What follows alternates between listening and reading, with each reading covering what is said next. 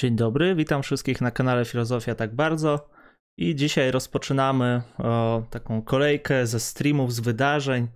E, Będziemy czytać Antyedypa e, autorstwa Deleza i Guattariego, ale najpierw skupimy się na takich podstawowych rzeczach. E, Jeszcze tak przez 10 minut będziemy sobie ogólnie gadać, później przejdziemy do najważniejszych rzeczy. Mamy e, także dzisiaj gościni specjalną e, Joannę Bednarek, doktorkę, filozofkę, tłumaczkę, pisarkę, tutaj autorkę wielu e, książek, e, takich książek jak Polityka poza formą, ontologiczne uwarunkowanie poststrukturalistycznej filozofii, e, Życie, które mówi, mm, nowoczesna wspólnota zwierząt, o pochodzeniu rodziny, także autorka wielu artykułów e, na tematy związane z poststrukturalizmem, z filozofią francuską, członkini redakcji teoretyki, e, boże, praktyki teoretycznej. I to jest już chyba czwarta osoba z praktyki teoretycznej, więc tutaj e, mamy zaszczyt e, taki, że nas odwiedzają ludzie z, z tego właśnie e, z tego czasopisma, także między innymi krytyki politycznej, to co przeczytałem w internecie między innymi i e, ja bardzo, od razu bardzo dziękuję, że, że się zgodziłaś e, wziąć udział w tych czytaniach. E, Dla nas to jest okazja taka, żeby E, żeby lepiej to zrozumieć przede wszystkim. Wokół tego dzieła panuje, jak tutaj przed chwilą powiedzieliśmy sobie, wiele mitów, e, ale też e, w ogóle wejść w tą ontologię delezjańsko-gwateriańską. E, Także jest Adam Young, Adama e, ktoś ko- kojarzy, wszyscy, znaczy wszyscy już pewnie kojarzą z tego kanału, Adam Young, e, założyciel, przewodniczący e, Radykalnego Słonia, czasopisma Radykalny Słoń, E, Także autor kilku fajnych tekstów na temat właśnie Deleza i rozumiem, że też magisterkę pisałeś e, o, związaną z Delezem poniekąd.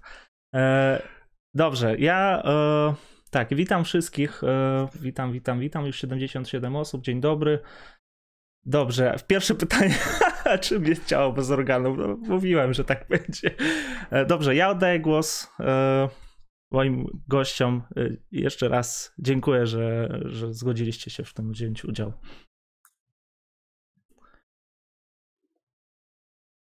A, jasne, e, tak. E, ja, mi też jest oczywiście ba, bardzo miło w tak zaszczytnym gronie jakby e, występować w Delezie. E, mam nadzieję, że dzisiaj będę tylko bardziej jakoś tam, nie wiem, zadawał, zadawał pytania. E, jeśli chodzi o tą magisterkę o Delezie, to, to ostatecznie to jest taki nieudany projekt. E, pra, pra, prawie się udało, ostatecznie, ostatecznie terminy mnie pokonały, piszę kolejną pracę o niczym, no ale powiedzmy, że tam, nie wiem, trochę przepchnę, przepchnę Deleza. Zresztą na samego Deleza trafiłem przez niczego e, przez Friedricha Niczego i wydaje mi się, że to jest dla, dla części osób pewnie podobna droga, bo, bo te książki Deleza o niczym są dosyć inspirujące. E, No, ale dzisiaj nie będziemy rozmawiać o niczym, będziemy rozmawiać o, o antyedypie, pierwszym tomie kapitalizmu i schizofrenii. E, No i może tak jak sobie mówiliśmy tam przed tym, przed samym początkiem, zaczniemy tak dosyć, dosyć spokojnie od jakiegoś takiego umocowania tej książki e, w tradycji filozoficznej. To może będzie dobre, do, dobry sposób na, e, obniżenie poziomu szaleństwa odbioru, które się pojawia wokół, wokół tego dzieła. Tak jest. E, Okej, dzień dobry. E, e, Więc tak, jeśli chodzi o filozoficzny wymiar antyedypa, to przede wszystkim, znaczy wydaje mi się, że warto zacząć od tego, że to jest bardzo normalna książka i bardzo rozsądna. E, I ona, e, znaczy ona ma taką opinię szalonej, w ogóle kapitalizm i schizofrenia i, i mm, wszystkie teksty pisane wspólnie przez em, Deleza i Guattariego mają opinię takich jakichś kompletnie odjechanych rzeczy, których się prawie nie da czytać, e, co mnie za- zawsze bardzo dziwi, bo e, nie wiem, Hegel jest, mam wrażenie, dużo cięższy i dużo bardziej się go nie da czytać. E, Lacan jest trudniejszy. Natomiast jakoś Deleuze i Guattari, to mam wrażenie wynika jednak troszkę z tego, że że to, co mają do zaproponowania, wciąż jeszcze jest troszeczkę nowe i tak nie do końca się wpisuje w.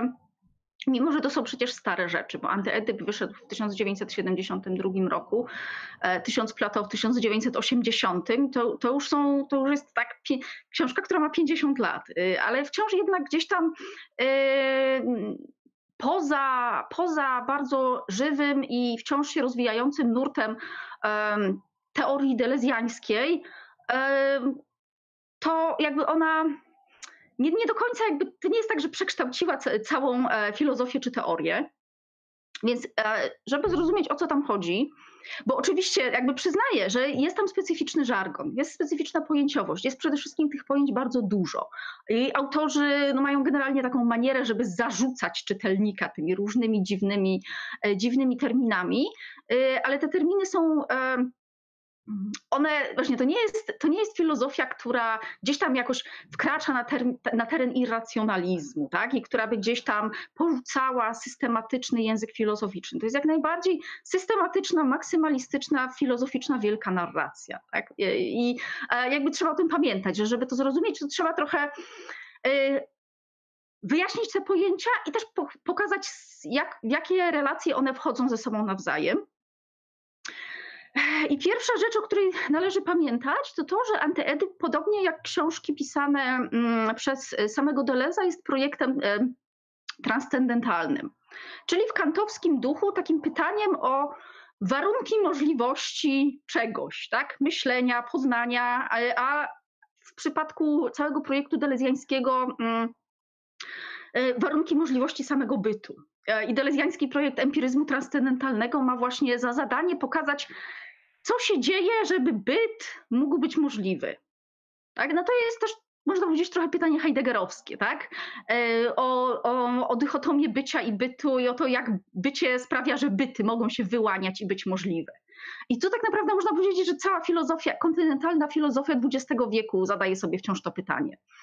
E, gdzieś tam za, za Kantem pyta o to, za Kantem też za Heglem, e, co się dzieje, zanim w ogóle pojawią się rzeczy, pojawią się, pojawią się substancje, pojawią się byty. I Deleuze jest e, jakby spadkobiercą tej, tej cał, całkiem długiej tradycji. I w projekcie pisanym z Guattarim, w kapitalizmie i schizofrenii, obaj autorzy pytają o to, co, jakie warunki muszą być spełnione, żeby pojawił się określonego rodzaju dyskurs psychoanalityczny. I E, stosują te narzędzia krytyki transcendentalnej e, do dyskursu psychoanalitycznego, w którym e, obaj są dość mocno zakorzenieni. Bo o ile sam Deleuze w różnicy i powtórzeniu, czy zwłaszcza w logice sensu, proponuje taką dość nieortodoksyjną wizję tego, w jaki sposób wyłania się podmiot, wyłania się pragnienie, język, czyli zadaje sobie takie pytania bliskie tym, które zadawał sobie Jacques Lacan i tak naprawdę trochę od niego odchodzi, ale też nie do końca. Na przykład y, gdzieś tam pokazuje, że w logice sensu, że ten Edyp jednak jest i jest bardzo ważny. Natomiast Felix Guattari, którego bardzo często się pomija i traktuje jako taką trochę gorszą połowę tego duetu, E, zresztą e, gdzieś tam e, tacy przeciwnicy delezjanizmu jak Sławoj Żyżek czy, czy Oniu będą jakby, jakby, przez, jakby tak, tak, tak sarkali, że Guattari zepsuł Deleza, tego porządnego filozofa i zaraził go jakimś takim topornym, nie, niezbyt ciekawym filozoficznie materializmem. No co jest bardzo niesprawiedliwe wobec Guattariego, który faktycznie był myślicielem dużo mniej systematycznym niż e, Deleuze i, e, i sam Deleuze miał powiedzieć, że, że w toku tej współpracy e, Felix dostarczał mi diamentów, które ja szlifowałem, no co? W sumie nie jest takie dale, tak dalekie od prawdy, bo rzeczywiście widzimy w projekcie kapitalizm, w kapitalizmie i schizofrenii ten jakby systematyzujące dążenie Deleza i jednocześnie bardzo dużo innowacji pojęciowych, które wprowadził Guattari na podstawie swojej e, praktyki analitycznej i, i psychiatrycznej, bo Dele, Guattari w przeciwieństwie do Deleza, który przez całe życie no, pozostał jednak zaangażowanym politycznie, ale akademikiem, takim typowym burżuazyjnym francuskim akademikiem, no jakby Guattari rzeczywiście tych schizofreników znał, pracował z nimi, Deleuze, e, Deleuze, znaczy też pacjentów kliniki Labord, w której e, Guattari, Guattari pracował, też spotykał, ale ponoć bardzo się ich bał. No, no, więc to jakby jest gdzieś tam jakimś fajnym, to też pokazuje, że, że z tym szaleństwem, z tą nomadycznością sprawa nie jest taka znowu prosta. I tutaj nie chodzi o to, żeby e, że Deleuze i Guattari nie negują realności szaleństwa wcale to mam wrażenie, że może potem o, o tym trochę opowiemy, o, o, o, tym, jak projekt kapitalizmu i schizofrenii ma się do antypsychiatrii. co jest interesującą, interesującą kwestią.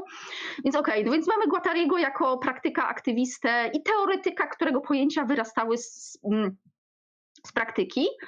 E, no i mamy projekt y, poddania psychoanalizy krytyce transcendentalnej. Kryty, a krytyka trans, transcendentalna, jak e, pamiętamy w przypadku Kanta, e, była takim projektem, który miał odsłonić warunki możliwości prawomocnego poznania i też e, projekt ten miał za zadanie pokazać, jakiego rodzaju użycia syntez nieświadomości, e, syntez świadomości, przepraszam, w przypadku Kanta to były syntezy świadomości, e, jakie syntezy są uprawomocnione i jakie gwarantują prawdziwe poznanie, a jakie są nieuprawomocnione. Tak? I te nieuprawomocnione to są takie użycia syntez, które powołują do istnienia teorie metafizyczne, powołują do istnienia różnego rodzaju myślenie zakorzenione e, w zinstytucjonalizowanej religii.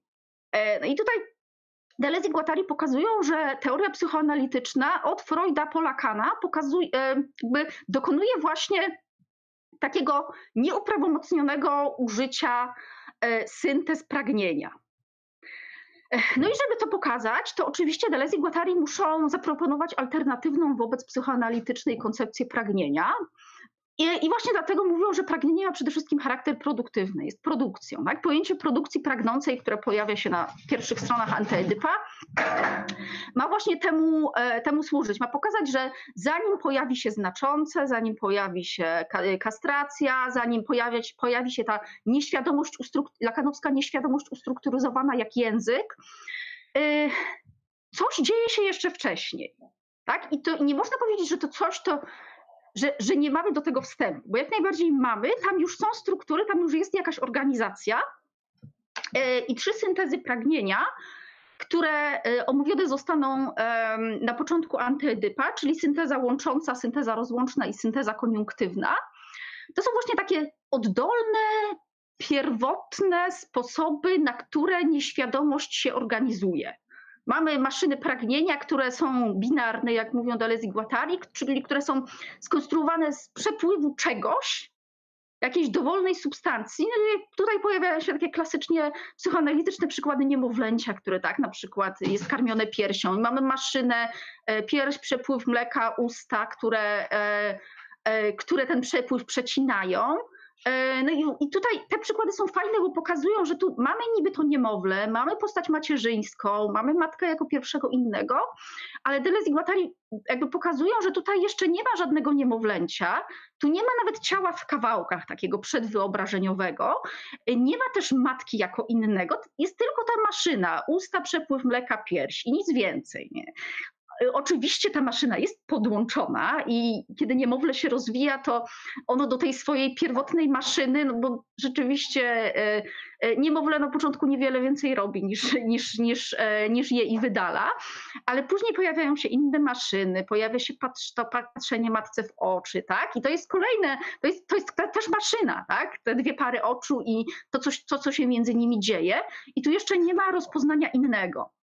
I no i nieuprawomocnione jest właśnie to, co robią, robi większość psychoanalityków, czyli ekstrapolowanie i mówienie, że tutaj już jest niemowlę, już jest matka, że kiedy niemowlę, jak w przypadku Melanie Klein, dzieli tę pierś na dobrą i złą, to tak naprawdę za horyzontem już mamy całą matkę jako dobrą i złą i dychotomię matki dobrej i złej. A Deleuze i Guattari starają się pokazać, że właśnie nie, nie, nie można tak szybko, E, trzeba pamiętać, że tutaj jeszcze nie ma tych postaci, nie ma tych figur.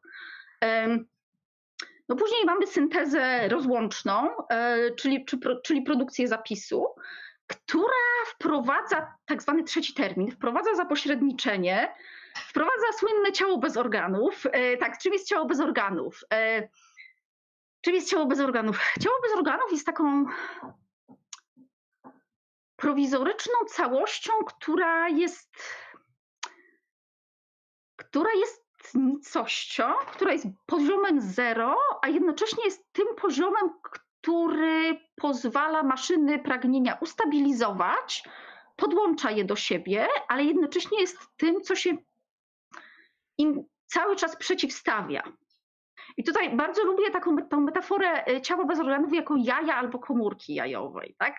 Jeszcze nie ma zróżnicowania, jeszcze embrion się nie zaczął rozwijać. Mamy jakąś taką gładką powierzchnię, coś, co się wydaje zupełnie nieustrukturyzowane, ale co tak naprawdę jest zalążkiem przyszłej strukturyzacji.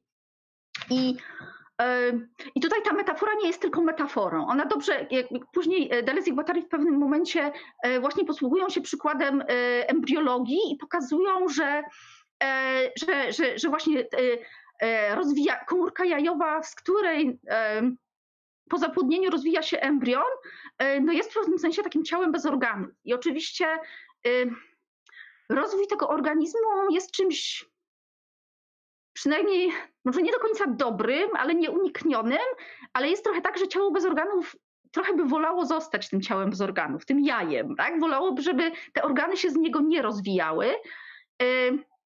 I to jest moment, kiedy pojawia się antyprodukcja. Na, więc, y, którą można by, tak? Tak, ja, ja, jeszcze tak y, wstępnie chciałbym zapytać y, o te pojęcia najważniejsze, dlatego że podejrzewam, mhm. część widzów, y, większa lub mniejsza, no nie wie czym są te maszyny. E, pojawiło się już pojęcie maszyn.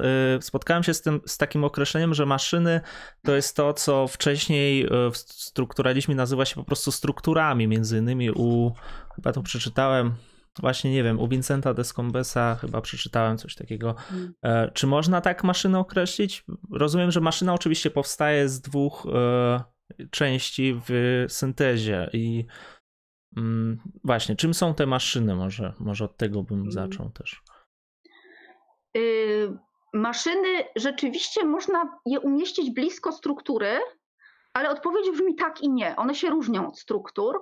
Y, I to już bardzo fajnie widać we wczesnym tekście Deleza, po czym rozpoznać strukturalizm, który niby jest bardzo blisko struktura, wizji, strukturalistycznej wizji tego, jak wytwarza się znaczenie. Y, on tam y, proponuje taką, takie ujęcie struktura, struktury jako czegoś, co jest, złożonego, co jest złożone z dwóch serii, binarnych serii, między którymi krąży mroczny zwiastun, czyli ten pusty element, który on jeszcze określa mianem kastracji, fallusa tam, ale już wtedy widać, że on chce tę strukturę troszkę rozruszać. Pokazać, że ona nie jest taką platońską, troszeczkę jak u Lewistrosa, taką platońską wizją y, abstrakcyjnego bytu, który się nie zmienia i który jest tylko wypełniany jakąś przygodną, empiryczną treścią, bo u Lewistrosa jednak troszkę tak jest i ówczesnego Lakana też troszkę tak jest. Później Lakan oczywiście próbował gdzieś tam wyjść poza to, y, ale maszyna jest, jest abstrakcyjna. I to takie słynne powiedzenie Deleza, że strukturaliści właśnie nie byli zbyt abstrakcyjni, oni nie by, byli nie dość abstrakcyjni. Tak? Y, fajnie pokazuje, że, że um, Deleuze i później Deleuze i Guattari rzeczywiście próbowa, próbowali um, wziąć to, co najistotniejsze ze strukturalizmu, czyli, e, czyli struktury, które umożliwiają wypowiadanie się, które umożliwiają pragnienie, umożliwiają działanie, powstanie podmiotu itd., tak itd., tak ale jednocześnie po, połączyli dziedzictwo francuskiego strukturalizmu z anglosaską tradycją pragmatyczną. No i wtedy narodziła się maszyna. Maszyna, która jest abstrakcyjna, ale która przede wszystkim coś robi. Ona jest wprawdzie binarna, ale ta binarność jest już na najbardziej podstawowym poziomie ruchoma i to ruchoma w trochę inny sposób niż łańcuch znaczących.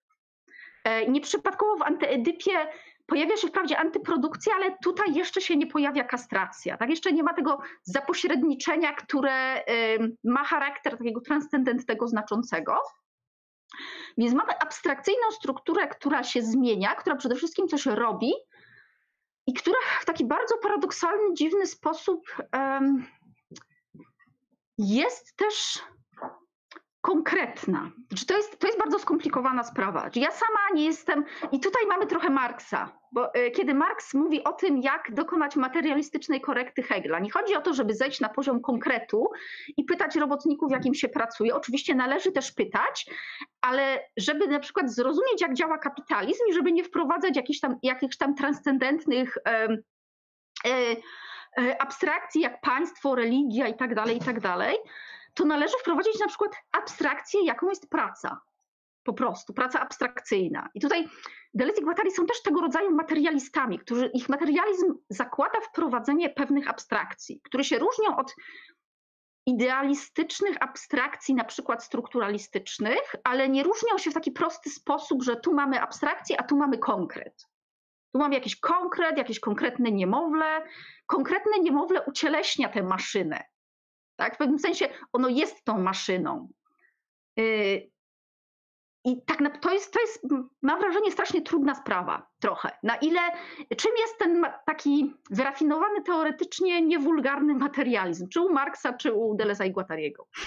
Ja, ja, myślę, że przejdziemy jeszcze do tych kwestii przy omawianiu najważniejszych właśnie tutaj rozdziałów Antyedypa, czyli tych początkowych właściwie e, Teraz siebie słyszę, tak trochę dziwnie jest, ale tak. E, chciałbym też zapytać o literaturę. E, pytanie, które jeszcze nie pojawiło się na czacie, ale podejrzewam, że z, może się pojawić e, z, od razu, tak od razu. No zawsze pytałem o literaturę, natomiast e, tutaj napisali tak. E, tutaj ktoś napisał, że e, Poza tekstem Deleza o strukturalizmie kluczowym dla przejścia od pojęcia struktury do pojęcia maszyn jest maszyna i struktura Guattariego. E, tak, tak jest. Dobrze, jeżeli chodzi o literaturę, no oczywiście mm, jak, jak należy w ogóle czytać antyedyp? Jest jak, no, czy jest jakiś schemat? E, każdy oczywiście różnie to odbiera. Ja pamiętam e, ten taki dziwny wywiad z Delezem i Guattari, gdzie oni mówią, że, chyba Delez mówi, że w ogóle nic nie trzeba czytać, można od razu sobie zacząć i, i będzie fajnie. No, nie, nie wydaje mi się, szczególnie, że ta terminologia, te słowa takie dziwne, tam brikola, brikolerzy, tam e, ten sędzia Schreber ze swoim tyłkiem, to wszystko brzmi tak zupełnie oderwanie od wszystkiego, co dotychczas y, no, się czytało. Jak ktoś nie interesował się tam filozofią francuską, czy jest jakaś fajna literatura na wstęp właśnie? Ale takie y, wprowadzenie w postaci jednej książki do Antyedypa? No, może być więcej, albo artykuły, albo coś takie. No, tak. no, wydaje mi się, że takie jakby pytanie, załóżmy, że ktoś e, obejrzy ten stream, zainspiruje go, to od czego, od czego warto byłoby zacząć? Zarówno w kontekście może prac Deleza i Guattariego, jak i w kontekście, nie wiem, opracowań. E, chyba najlepiej, żeby były w języku polskim, tak mi się wydaje, chociaż oczywiście e, tam, nie wiem, angielskie czy francuskie też będą mile widziane. Aha. Hmm. Jeśli chodzi o rzeczy po polsku, no to na pewno na stronie Machiny Myśli jest dużo fajnych materiałów i tak, to jeśli chodzi o krótkie artykuły, to tam to tam jest dużo fajnych rzeczy. No jest dobre, po angielsku jest dobre wprowadzenie do Antyedypa y, Iana Buchanana. To jest taka troszkę sucha, y, akademicka, ale, ale książka, ale no jednak wyjaśniająca wyjaśniająca co i jak. E, no jeśli chodzi o samego Deleza, to jest bardzo fajna książka Michała Herrera, Struktury maszyny, kreacje, e, która... Michał Herrer napisał też artykuł o, tylko nie pamiętam kurczę teraz tytułu, ale to się pojawiło w przeglądzie literacko-filozoficznym. To jest artykuł o antyedypie. I pamiętam, że ja się dowiedziałam z tego tekstu o, o antyedypie, więc to jest stara rzecz. E, ale, y, ale ona jest takim rzeczywiście bardzo krótkim wprowadzeniem y, pokazującym, o, zresztą w strukturach, maszynach, kreacjach też są fragmenty o antyedypie. Może mniej niż bym chciała, ale, ale y, jakby ta książka Herrera bardzo fajnie pokazuje, jakby właśnie, że to nie jest jakiś szalony antyteoretyczny projekt, tylko właśnie bardzo mocno zakorzeniona w tradycji filozoficznej myśl. E, więc, więc myślę, że tak, żeby zacząć, to, to te rzeczy. I no oczywiście no Deleuze i Guattari są często bardzo tacy, no oni, oni podpuszczali y, swoich rozmówców, tak? Kiedy ktoś ich zapytał, czy widzieli schizofrenika, odpowiedzieli, że nie, więc, więc, y, więc tak, więc y, absolutnie nie byli uczciwi ani poważni.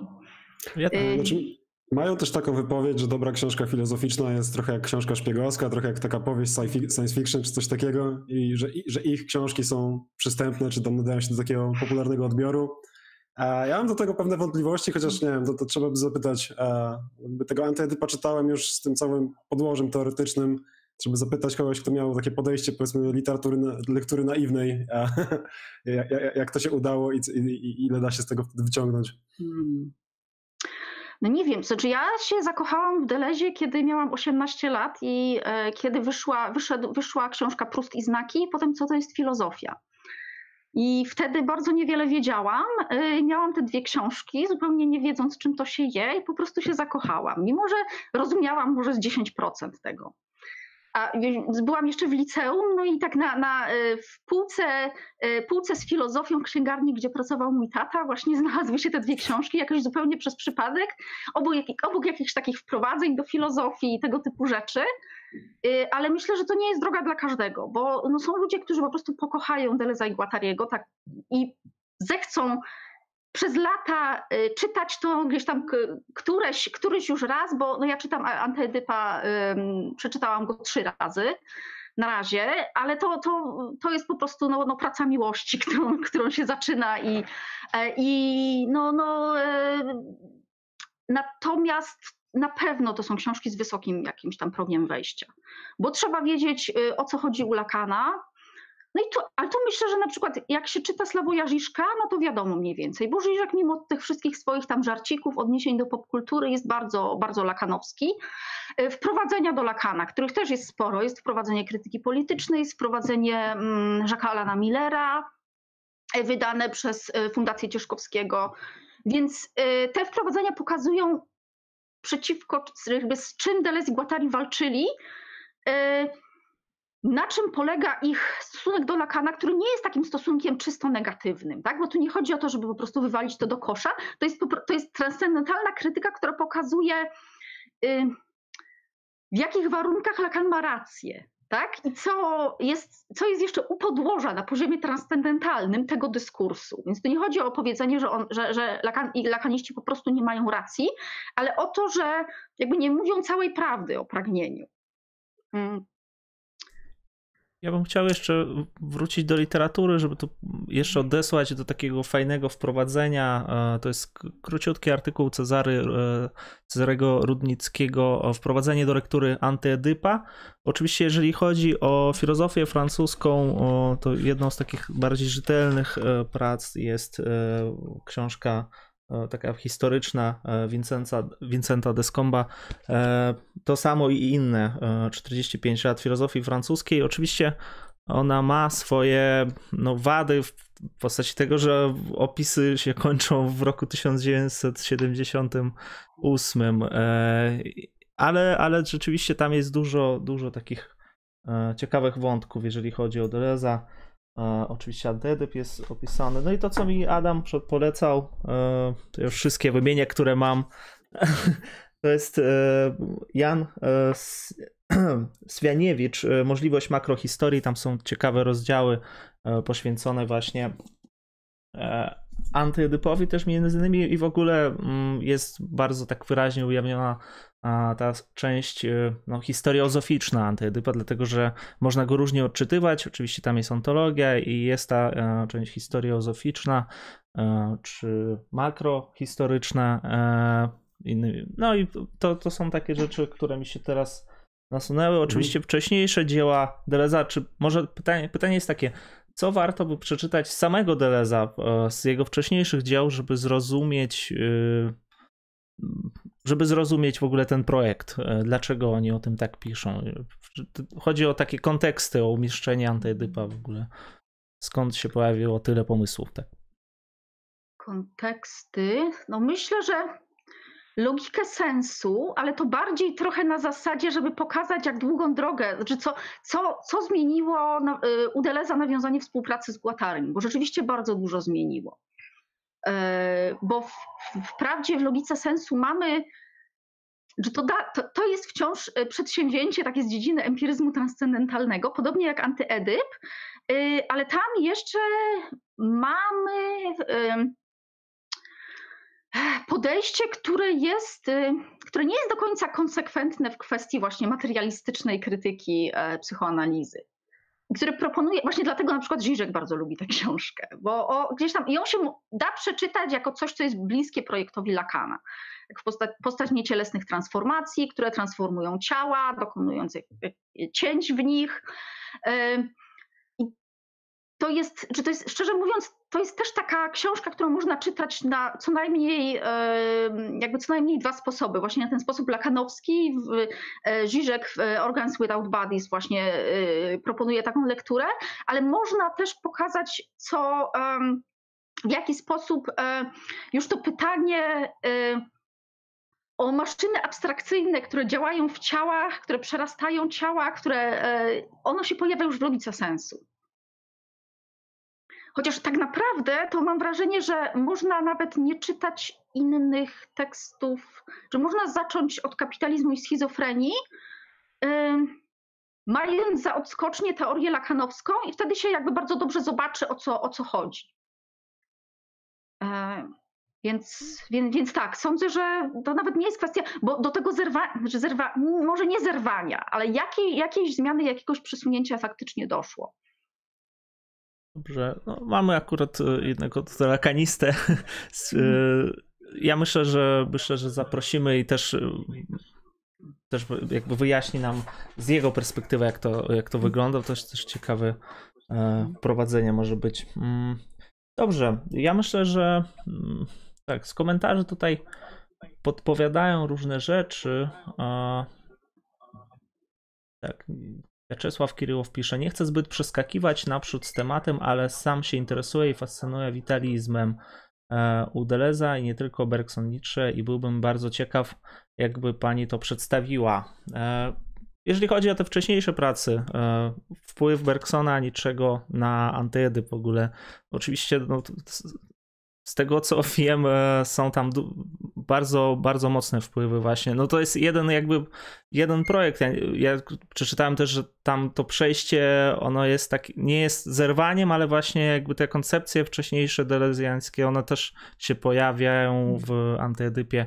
Y, no i właśnie, jeżeli chodzi o te wpływy, y, to co byś tutaj powiedziała, jak to można odczytywać? Mhm. Y, tak, to jest jakaś wersja witalizmu, tylko y, że właśnie to jest witalizm, który e, zrywa z takim XIX-wiecznym witalizmem, w którym istotną, istotnym pojęciem było pojęcie całości organicznej. Tak, znamy tak, jakby takie już zbanalizowane powiedzenie, że całość jest wie, czymś więcej niż suma części. Tak? Witalizm pojawił się wtedy, kiedy biologia zaczęła, czy kiedy w ogóle biologia wyodrębniła się w drugiej połowie XVIII wieku jako osobna nauka, kiedy zerwano z kartezjańskim e, mechanicyzmem i kiedy jakby naukowcy po prostu zaczęli się orientować, że żywe istoty nie są zorganizowane tak samo jak maszyny, I to widać na przykład już u Kanta, tak? który y, zwraca uwagę na to, że organizm i maszyna są zupełnie inaczej zorganizowanymi całościami, że maszyna ma zasadę swojej organizacji poza sobą, e, natomiast organizmy mają w sobie. E, no oczywiście teraz pytanie, na ile y, jakby uczące się sztuczne inteligencje y, jakby przełamują ten podział, tak? bo mamy maszyny, które być może będą potrafiły się reprodukować, które potrafią już się uczyć, E, które, e, no i, i tu jakby e, i to jest w gruncie rzeczy tak dość delezjański, dość delezjański wątek, ponieważ witalizm Deleza i Guattariego właśnie jest witalizmem zrywającym z pojęciem całości organicznej i pojęcie maszyn pragnących właśnie bardzo fajnie pokazuje, że całości owszem istnieją, organizmy istnieją, ale życie organizuje się na dużo bardziej jakby niższym poziomie. Y, I całość jest zawsze warunkowa, i te siły, które tak naprawdę napędzają życie, to są siły sfragmentaryzowane, właśnie tnące, przecinające, tnące, przecinające y, poniżej pojęcia całości organicznej. I wręcz można powiedzieć, że organizm jest trochę takim e, gwałtem odciskającym się na, na, na sile życia, która jest ustrukturyzowana, ale nie jest ustrukturyzowana na sposób organizmu. Więc to, jest, to umożliwia wyjście poza taki biologistyczny witalizm. E, I później w nowym materializmie właśnie będą się pojawiały te wątki. I tak naprawdę cała filozof, cała teoria kontynentalna próbująca myśleć wspólnie z naukami biologicznymi, korzysta w mniejszym lub większym stopniu właśnie z tego rozwiązania. Tak?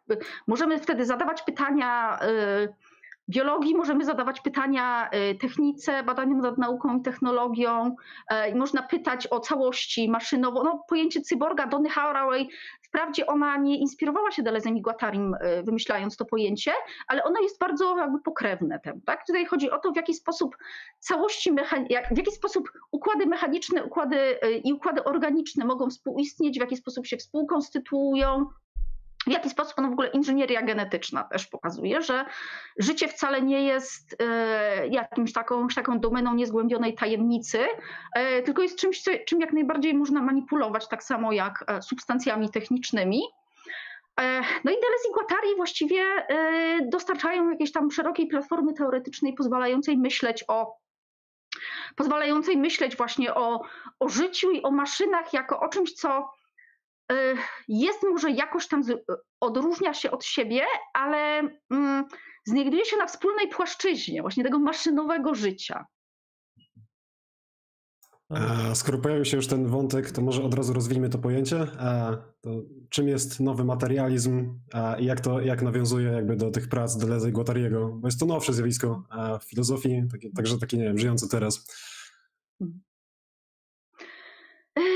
Tak, nowy materializm to jest troszeczkę taki nurt, który powstał chyba wymyśle. Czy samo określenie nowy materializm to jest troszeczkę taka marka, mam wrażenie, która powstała i która, no, którą się udało stworzyć dość z sukcesem. E, no i takie postaci jak Jane Bennett, e, Isabel Stonger, retroaktywnie Rosie Braidotti, Donna Haraway. Przy czym, przy czym to jest troszeczkę, mam wrażenie, taki, taki dziewczyński klub, bo to często się mówi feministyczny nowy materializm e, i wprawdzie takie postaci jak Brian Masumi czy Manuel Delanda często też jakoś tam są do, do, do tego nurtu włączane, e, a to są myśliciele bardzo mocno inspirujący się mm, Delezem i Delezem i Guattari. E, niemniej gdzieś tam, jeśli się prześledzi, kto, na konfer- kto jeździ na konferencje, kto wydaje zbiorówki, to to jest głównie kobiecy jakby klub i, znaczy i dobrze, y, ale tutaj chodziło, chodzi o to w nowym materializmie, żeby właśnie y, teoria kontynentalna, która przez, wiel, przez kilkadziesiąt lat była bardzo mocno konstruktywistyczna i bardzo mocno um, redukcjonistyczna. E, no i też to, to było związane z tym, jak funkcjonowała amerykańska akademia, jak bardzo um, Hegemoniczna była w niej w pewnym momencie w latach 70., 80. dekonstrukcja. Jak bardzo hegemoniczne były związane z tym redukowanie wszystkiego do języka, do dyskursu, do konstruktów społecznych. No i w pewnym momencie teoretycy i teoretyczki się ocknęli i zobaczyli, kurczę, a przecież w naukach y, przyrodniczych dzieją się strasznie ciekawe rzeczy, a my nic o tym nie wiemy. No i pojawiło się, pojawiło się gdzieś tam potrzeba e, zrozumienia, co się dzieje w naukach, wyjścia poza, wyjścia poza te dychotomie nauki humanistyczne, nauki przyrodnicze, bez tracenia jakby specyfiki tego, co y, robi teoria kontynentalna. E, no i Deleuze i Guattari tu okazali się źródłem jakby niesamowicie bogatych zasobów, bo oni to robili już właśnie w latach 70. w antyedypie, e, korzystając z biologii, korzystając z antropologii, korzystając z bardzo wielu e, nauk i społecznych, i przyrodniczych. E, no i tutaj oczywiście można e, przywołać widmo Sokala i Brickmonta i powiedzieć, że tak nie można i że to bzdury są, no ale prawdopodobnie każdy, kto gdzieś tam czytał i Sokala i Brickmonta i czytał Antyedypa, to wie, że Sokal i Brickmont chyba nie do końca są odpowiedni że oni po prostu kompletnie nie wiedzą, czym, czym, czym, czym się je teorię kontynentalną, więc nie potrafią odróżnić nieprawomocnych użyć e, i rzeczywiście głupot, które czasem się pojawiają, kiedy się próbuje e, tak, wykorzystywać pojęcia matematyczne czy fizyczne, od takich użyć, które są sensowne. Tak? I użycie na przykład tej metafory embriologicznej, mam wrażenie, że jest sensowne. Ono coś, ono coś nam mówi o ciele bez organów, które jest abstrakcyjnym i dziwnym pojęciem. E, no i też mówi nam coś o, coś o życiu, o tym, że może życie nie bardzo chce się różnicować. Nie wiadomo, bo to jest bardzo, że tak naprawdę to jest bardzo ambiwalentne poje, pojęcie, no i pojawia się też tutaj freudowska wizja, też zainspirowana biologią e, popędu śmierci, tak? tego, że życie tak naprawdę chciałoby, chciałoby zostać w stanie nieorganicznym, e, a jeśli już ma żyć, no to chce tak okrężną drogą na własny sposób dojść do śmierci, tak? bo to jest dokładnie ten wątek. Tylko Deleuze i Guattari próbują go e, przedstawić no właśnie w taki sposób, który nie byłby taki smętny i melancholijny. Więc yy, w nowym materializmie właśnie tutaj chodzi o to, żeby nie brać za dobrą monetę tego, co mówią filozofowie nauki o tym, co robi nauka, i żeby przyłożyć pojęcia teorii kontynentalnej do, do badań naukowych, i zrozumieć, e, jak one na przykład funkcjonują w społeczeństwie. I tu, e, I tu pojawiają się na przykład, nie wiem, e, analizy tego, jak w środowiskach feministycznych wytwarzany jest obiekt depresja, jak dużo badaczek na przykład bierze leki na depresję. Tak? Więc mamy tutaj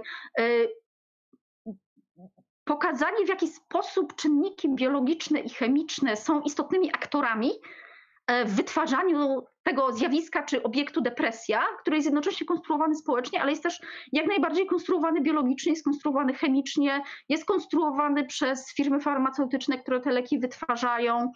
Y, I tak naprawdę nie można redukować materialnych czynników y, do konstruktów społecznych. Tu po prostu teoria post, poststrukturalistyczna w pewnym momencie to zrozumiała. No i, i wtedy zaczęła się trochę taka kariera Deleza i Guattariego, którzy zrozumieli to już nieco wcześniej. Znaczy sama Donna Haraway tak naprawdę też to rozumiała wcześniej, y, bo w latach 80 ale nie do końca, czy to, co ona proponowała przez długi czas, było jakby troszeczkę na marginesie, także w teorii feministycznej. Natomiast po, można powiedzieć, że po 2000 roku rzeczywiście chyba jest taki. Um, mamy do czynienia z takim wielkim momentem i Deleuza i Guattariego i, e, i, e, i Donny Haraway i właśnie materialistycznych wątków e, w, w teorii. Jakby sporo tych analiz nowomaterialistycznych to są jakby analizy konkretnych zjawisk, nie wiem, tak, tego w jaki sposób, w jakim środowisku, nie wiem, współistnieją ze sobą ludzie i zwierzęta. E, natomiast jakby niektóre przedstawicielki nowego materializmu proponują ontologię, no i ta ontologia często jest bardzo bliska jakie, jakoś tam pojmowanemu delezo-guatarianizmowi, przy czym to nie, nie zawsze nie do końca jest dobra rzecz ponieważ e, no, w przypadku takiej na przykład Jane Bennett, to się często sprowadza do takiego powiedzenia, o materia jest taka fajna, sprawcza i taka super. No i mam poczucie, że nowy materializm jest mocny, kiedy przeprowadza te swoje y, analizy konkretnych zjawisk, natomiast y, wchodzenie na teren ontologii nie jestem pewna. Właśnie w przypadku Jane Bennett mam poczucie takiej dużej niewystarczalności tego. Tu warto też wspomnieć o Erin Manning i pracy Always More Than One która jest właśnie nowomaterialistyczna, jednocześnie e, Erin Manning jest partnerką Briana Masumiego prywatnie e, i ona tam właśnie próbuje mm, Duża część tej książki to jest próba opisania, jak osoby autystyczne doświadczają świata. Bo Erin Manning pracuje z osobami autystycznymi w ramach, jakby organizując wspólnie z nimi praktyki artystyczne, które dla osób autystycznych są inspirujące, rozwijające, E, umożliwiają im komunikowanie się, bo to jakby wiele tych osób to nie są osoby wysoko funkcjonujące, tylko takie, które mają rzeczywiście problemy w codziennym życiu.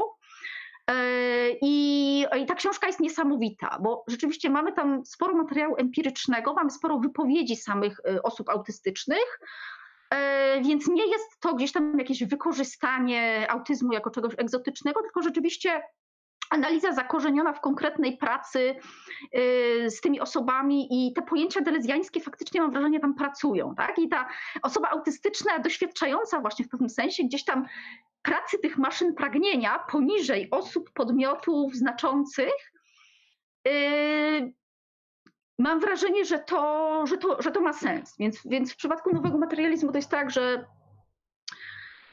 że jest to taki gdzieś tam dwuznaczny nurt, który nie do końca jest, e, nie do końca jest wystarczający, może nie do końca jest taki fajny, e, ale jest w nim dużo, dużo ciekawych, ciekawych rzeczy. A jeśli jeszcze chodzi o te polecanki książkowe, to pojawiło się już parę razy nazwisko Briana Masumiego. On jest angielskim tłumaczem Tysiące Plato i jego, jego książka User's Guide to Capitalism and Schizophrenia myślę też jest dobrym, dobrym wprowadzeniem. Nie ma tak. wersji polskiej, to jest angielska książka, ale taka uważam bardzo, bardzo przystępna, dobrze porządkująca wiedzę. Więc jak ktoś szuka takiego tam drogi wejścia i zna angielski, to, to Brian Masumi to jest dobre nazwisko. Tak, tak. Y, Masumi też napisał bardzo fajną, taką małą książeczkę um, What Animals Can Teach Us About Politics. I tam właśnie to też jest dobry przykład fajnej analizy nowomaterialistycznej. On tam też odwołuje się w dużym stopniu do Gregorego Batesona, który był takim poprzednikiem, poprzednikiem Deleza i Guattariego.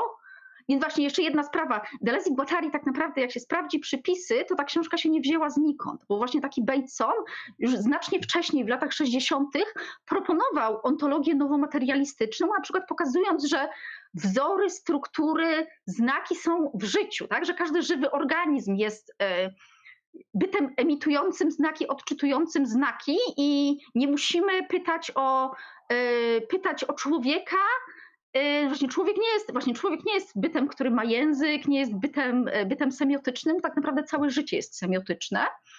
E, nie wiem, jest na pewno jedna książka Batesona po polsku, Umysł i przyroda. E, I to jest naprawdę świetna, świetna rzecz. I, i po prostu gdzieś tam to widać. tego rodzaju książki pokazują, że ten nurt humanistycznego myślenia o tym, co ma nam do zaoferowania biologia i ogólnie nauki przyrodnicze, że to się działo już wcześniej, to się działo w latach 50., 60., ale wielu tych filozofów nauki, oni by, było tak troszeczkę, że filozofowie nie do końca ich czytali, nie do końca się interesowali, może nie do końca też potrafili wykorzystać to, co w tych książkach było. E, więc, więc właśnie, a ta książka Masumiego o zwierzętach jest wspaniała, bo przywołuje pojęcie zabawy i właśnie pokazuje, że tak naprawdę bardzo dużo zwierząt się bawi e, i że ta zabawa e, jest właściwie kluczem do polityki, jest kluczem do odgrywania ról, kluczem do uzyskiwania dystansu do swojej roli w życiu i tak naprawdę nawet bardzo proste zwierzęta ze stosunkowo niewielkimi mózgami to robią, tak? I, i że nie można redukować redukować zwierzęcia do takiej maszyny napędzanej instynktem. E, więc, więc to jest też przykład takich bardzo fajnych analiz e, już z dziedziny animal studies, tak? bo Deleuze i Guattari, mimo że oni sami, e, no można pytać, czy stawanie się zwierzę, czy w stawaniu się zwierzęciem, pojęciu, które się pojawia w tysiącu plato, czy tam chodzi w ogóle o prawdziwe zwierzęta, Trochę tak, trochę nie, ale w przypadku posthumanizmu i animal studies Deleuze i Guattari też okazali się bardzo bardzo inspirujący. To ja mam takie pytanie, tak chciałbym trochę się cofnąć e, w tym, e, znaczy e, coś może powiedzieć o źródłach, bo wiemy oczywiście, że w filozofii francuskiej dokonało się to słynne przejście od trzech wielkich H do mistrzów podejrzeń, czyli tak Freuda, Marksa i, i Boże, e, nagle mi się umknęło nazwisko. Freud, Marx i... Nietzsche. Nietzsche, Nietzsche tak, dokładnie. E, I, e, I mamy jeszcze Foucault, może po kolei od tych najwcześniejszych. Pojawiło się też na czacie pytanie o Marksa akurat. Tak, jak Marx Antyedypa ma się do Marksa kapitału? Deleuze Guattari w pewnym sensie modyfikują Marksa. No i oczywiście o tym wstępie Foucault można też coś wspomnieć. Fajnie by było, to jest ważne chyba. Y, no tego Marksa jest bardzo dużo. Tego Marksa w Antyedypie jest bardzo dużo. Właśnie w odróżnieniu do Tysiąca Plato, które jest już taką książką bardziej... Czy ja bym gdzieś tam wciąż broniła, że Deleuze i Guattari jak najbardziej są marksistowscy i, i nie do końca w przypadku takich głosów które też się pojawiają, że oni tak naprawdę są anarchistami, że są przeciwko, e, przeciwko marksizmowi, no to nie jest, to zwyczajnie nie jest prawda. Kiedy porównamy właśnie to, co Marx próbował zrobić z Heglem i to, co w Antyedypie e, Deleuze i Guattari próbują zrobić z psychoanalizą, to to jest dokładnie ten sam projekt. Materialistyczna krytyka, która pokazuje e, no, w przypadku w przypadku marksowskiej krytyki liberalnej ekonomii politycznej, w jaki sposób produkcja sprawia, że możliwe są, że powstaje tak zwany wolny rynek, który wcale wolny nie jest, jak powstają stosunki wymiany, gdzie tutaj jest wyzysk, dlaczego liberalna wizja tego, że wolny pracownik i wolny pracodawca zawierają swobodną umowę jest nieprawdziwa, no też e, kwestia tego, że ludzi, e, zanim, zanim ludzie staną się, staną się siłą roboczą, trzeba ich najpierw wywłaszczyć i uniemożliwić im bez, autonomiczne zaspokajanie własnych potrzeb, czyli problematyka akumulacji pierwotnej. To i to wszystko jest w antyedypie. Jest bardzo, bardzo bliskie strukturalnie. No bo też tutaj mamy wizję tego, że istnieje produkcja pragnąca, która w pewnym momencie, na pewnym poziomie organizacji zaczyna rodzić opresyjne struktury, i tutaj nie, przeciwsta nie, przeciwstawiamy struktur brakowi struktur, tylko struktury, które się pojawiają oddolnie, strukturom, które są takim trochę nadmiarem tak, tych oddolnych struktur i które umożliwiają coś, co Deleuze i Guattari na, nazywają represją. I tutaj um, e, główna różnica między Delezem i Guattarim a Foucault. Foucault zakłada, że że represja w pewnym sensie nie jest realna, tak? że to jest pewne posunięcie władzy, które stwarza pragnienie, e, Natomiast Deleuze i Guattari zakładają, że represja jest rzeczywista. Że jest rzeczywiście, są rzeczywiście jakieś poziomy organizacji pragnienia, które się rozwijają, a potem pojawia się represja.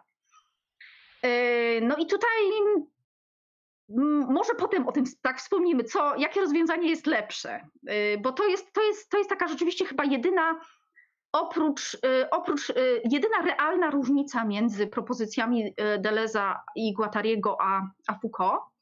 No więc tak, no więc mamy materializm antyedypa i materializm Marksa, bardzo, bardzo bliskie sobie.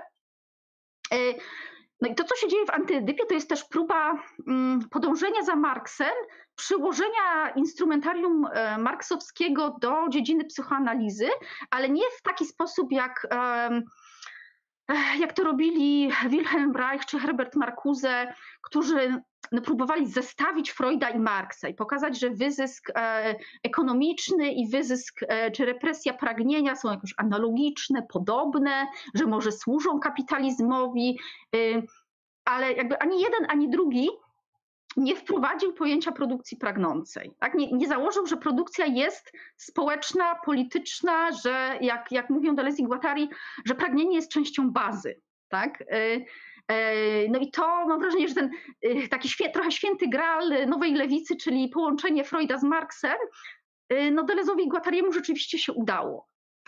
Bo tutaj chodzi o to, że u Marksa tak naprawdę produkcja też nie ma charakteru gospodarczego. Tak? Bardzo, jakby bardzo dużo ludzi nie do końca pozytywnie nastawionych do Marksa jakby popełnia ten błąd, mówiąc, że no Marks to redukował wszystko do zjawisk gospodarczych, a to nieprawda, bo sposób produkcji nie jest, gospodar to nie jest gospodarka w takim liberalnym sensie. Tak?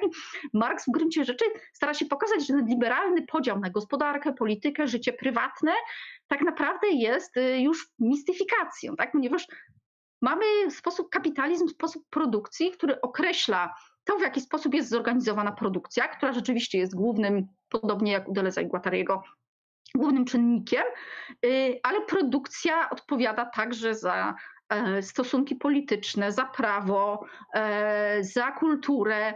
E, I to nie jest wcale redukcjonistyczne. I u Deleza i Guattariego jest bardzo podobnie. Tak? Mamy, mamy pierwszą syntezę produkcję, produkcji, potem produkcję zapisu, produkcję konsumpcji. To za każdym razem jest produkcja. Yy, no i to, to, już, to, tu już trochę wchodzimy na straszliwie grząski teren, czyli altuserowską kwestię naddeterminacji. Tak? W jaki sposób produkcja naddeterminuje całość społeczną. Yy, I u Mar można powiedzieć, że i u Marksa, i u Deleza i Guattariego yy, naddeterminuje całość społeczną, przy czym tak naprawdę myślę, że właśnie jest taki dużo nieporozumień dotyczących tego, czym jest produkcja u Marksa, które utrudniają zrozumienie, jak bliscy Deleuze i Guattari są Marksowi. Tak? I że tak naprawdę yy, no jest część marksistów mówiących, a tu jakieś dziwaczne, tu jakieś, jakieś, jakiś szreber z jakimiś y, analnymi, jakimiś promieniami, co to w ogóle jest. Tak? Jakby tymczasem ta próba pokazania, że, yy, że w, yy, jakby że pragnienie jest częścią bazy i że nasze, nie wiem, fantazmaty, to w jaki sposób czerpiemy przyjemność, w jaki sposób, kiedy czujemy się opresjonowani, a kiedy nie, e, nasze jakieś niby bardzo prywatne, tak, e, e, bardzo prywatne sprawy, one są częścią produkcji społecznej, tak, czyli produkcji pragnącej. Bo Deleuze i Guattari podkreślają, że produkcja ma charakter polityczny. Tak? Nie ma tego podziału na indywidualne, osobowe pragnie, y, tak, pragnienie, e, no i na to, co się dzieje na przykład w obrębie kapitalizmu czy w obrębie społeczeństwa. Tak? Y, pragnienie jest, jest na najbardziej pierwotnym poziomie społecznym, ono się staje indywidualne, prywatne i tak dalej, e, ale dopiero później, dopiero w kolejnym kroku. E, no i tak, więc a potem mamy kwestię maszyny kapitalistycznej, więc nie wiem, teraz może jeszcze, y, może jeszcze ten Freud, czy to pojęcie pragnienia jest zapożyczone e, od Freuda, czy jeszcze tutaj wcześniej można doszukiwać się mm, tych zapożyczeń? Czy u Marksa w ogóle to gdzieś się pojawia? No nie, u Marksa ono się oczywiście nie pojawia. U Marksa ono się nie pojawia, bo Marks posługiwał się jednak innym słownikiem. Jest duża różnica słownika. No i oczywiście Marks nie miał pojęcia o, o psychoanalizie, tak? E, I to Oczywiście to, co proponują Deleuze i Guattari jest bardzo freudowskie i bardzo mocno zakorzenione w tradycji psychoanalitycznej. Y, z tym pragnieniem to jest troszkę tak, że ono jest trochę freudowskie, bo kiedy porównamy koncepcję pragnienia u Freuda i koncepcję pragnienia u Lacana, to u Freuda, y, Freud posługuje się jeszcze takim y, witalistycznym słownikiem fin de siècle, tak? Mamy jakieś popędy, które są jak taka siła, albo jak przepływ, który zostaje zahamowany, albo który zostaje wysublimowany. I to jest, można powiedzieć, że jak się umieści Freuda obok Bergsona, to widać, y, że jakby do ducha epoki należała, należała taka próba zrozumienia nauk biologicznych y, i, myśl, i Freud trochę myślał w taki sposób, tak? Y, o, o ludzkim pragnieniu, jako o czymś, co musi być kanalizowane, spychane do nieświadomości, właśnie jakimś przepływie, który podlega potem inżynierii, superego, ego i tak dalej. I w epoce Lakana to chyba stało się po prostu passé. I trochę śmiesznie było mówić o jakimś popędzie, który, e, znaczy myśleć o nim w, takim właśnie hydraulicznym sensie, tak? To już, to już po prostu było niemodne. No niemodne też było myślenie o na przykład kastracji w takim dosłownym sensie, bo u Freuda ona jednak ma ten wymiar dosłowny. E, no więc pojawiło się ujęcie, właśnie to ujęcie strukturalistyczne pozwoliło trochę psychoanalizę uaktualnić, pokazać, że, że tutaj nie chodzi o jakieś e, idee sprzed 50 lat, e, które, które jakoś trącą, e, trącą trochę witalizmem, a trochę takim scjentystycznym redukcjonizmem, no tylko coś, co, co jest jak najbardziej zakorzenione w najbardziej wiodącej, najnowszej perspektywie naukowej, czyli w strukturalizmie. No i Deleuze i Guattari trochę do tego modelu hydraulicznego, przynajmniej na poziomie metafor, powracają. No i te metafory są bardzo ważne, tak? Więc tu znowu mamy te przepływy i one są materialne. Tak, tak, tak przepływ pieniędzy, przepływ gówna, przepływ mleka, tak? To są, to są konkrety, tak? Ale jednocześnie to są maszyny abstrakcyjne, tak? Więc to jest jednocześnie bardzo konkretne i bardzo abstrakcyjne. Więc jest tak, to jest, to jest, to jest trochę tak, że ten witalizm stał się bardzo niemodny w pewnym momencie, a potem trochę znów stał się modny. I Deleuze, właśnie Deleuze odgrzewając Bergsona i pokazując, że Bergson jest aktualnym myślicielem, no tak samo Nietzsche, przynajmniej pewien Nietzsche w pewnym mm, znaczeniu, tak? Bo tutaj polityczne konsekwencje korzystania z niczego są jednak troszkę, troszeczkę niebezpieczne, no ale ten właśnie ten Nietzsche abstrakcyjnych sił, y, które, które są wielorakie i które, które się splatają, i jednocześnie właśnie Freud z tą swoją hydro, hydrauliczną koncepcją popędów y, i pragnienia, y, tak, to jest, to jest trochę właśnie, to jest takie zabawne, że właśnie to Lacan swój projekt właśnie nazwał powrotem do Freuda, przy czym to jest tak, że żeby powrócić do Freuda, to musiał pewne, z pewnych rzeczy zrezygnować i no, to Deleuze i Guattari powracają do pewnych, pewnych aspektów freudowskich, które, z których Lacan musiał zrezygnować. E, no tak, myślę, że ten Nietzsche jest taki dosyć odpolityczniony, a z drugiej strony zontologizowany. Też się go czyta w tej perspektywie właśnie tych sił aktywnych, reaktywnych. E, a jeszcze takie pytanie, żeby, żeby ta figura wróciła. Kim jest sędzia Schreber? O co z tym chodzi? Dlaczego tak często pojawia się na, na kartach antyedypa? Mhm. Tak, i właśnie przy lekturach nie wspomnieliśmy o pamiętnikach nerwowo chorego, e, które są, bo książka jest po polsku, e, Daniel Paul Schreber, Pamiętniki nerwowo chorego. Absolutnie fascynująca, wspaniała lektura. E, sędzia Schreber był jednym z najsłynniejszych przypadków Freuda, przy czym Freud nigdy Schrebera nie spotkał, tylko swoją analizę oparł na tekście, głównie na tekście, e, e, autobiograficznym tekście Schrebera. No i w analizie Freuda wychodzi na to, że e, Schreber był, właśnie był urzędnikiem państwowym, który przeżył załamanie i który długie lata spędził w placówkach psychiatrycznych z bardzo, bardzo silnymi objawami. No dziś byśmy to pewnie nazwali rzeczywiście schizofrenią, chociaż teraz warto pamiętać o tym, że kiedy psychoanalitycy mówią o psychozie czy oni, to nie do końca jest tak, że mówimy o tej samej jednostce diagnostycznej co dzisiaj. E, I w ogóle psychoza w znaczeniu Lacana ma bardzo konkretne znaczenie techniczne, bo yy, słychać mnie? E, tak, trochę przerywa, ale słychać. Okej, okay. ma bardzo, jakby bardzo określone znaczenie, ponieważ psychoza to jest taki, taki taki stan patologiczny, w którym dochodzi nie do wyparcia, tylko do wykluczenia znaczącego. Tak bardzo, to jest bardzo specyficzna i bardzo taka jakby choroba e, stanowiąca dla psychoanalizy trudny orzech do zgryzienia. I właśnie analiza freudowska pokazuje dlaczego. E, w przypadku Schrebera, e, no on, jemu udało się w końcu E, drogą własnych wysiłków e, wydobyć ze szpitala psychiatrycznego i wrócić do mniej więcej normalnego życia. Mimo, że jego objawy nie ustąpiły w 100%. Tak, on był zdolny normalnie funkcjonować, e, niemniej pewne rzeczy, tak jak głosy, które do niego przemawiały, z tym, że przemawiały coraz wolniej, więc jemu coraz łatwiej było to znieść. Tak fantazmat, że zamienia się w kobietę, więc on często się przed lustrem przebierał, jakieś tam wstążki, koraliki, E, I to mu zostało do końca. I udało mu się przekonać e, lekarzy, udało mu się przekonać sąd, e, że dalsze utrzymywanie go w stanie ubezwłasnowolnionym jest nieuprawnione.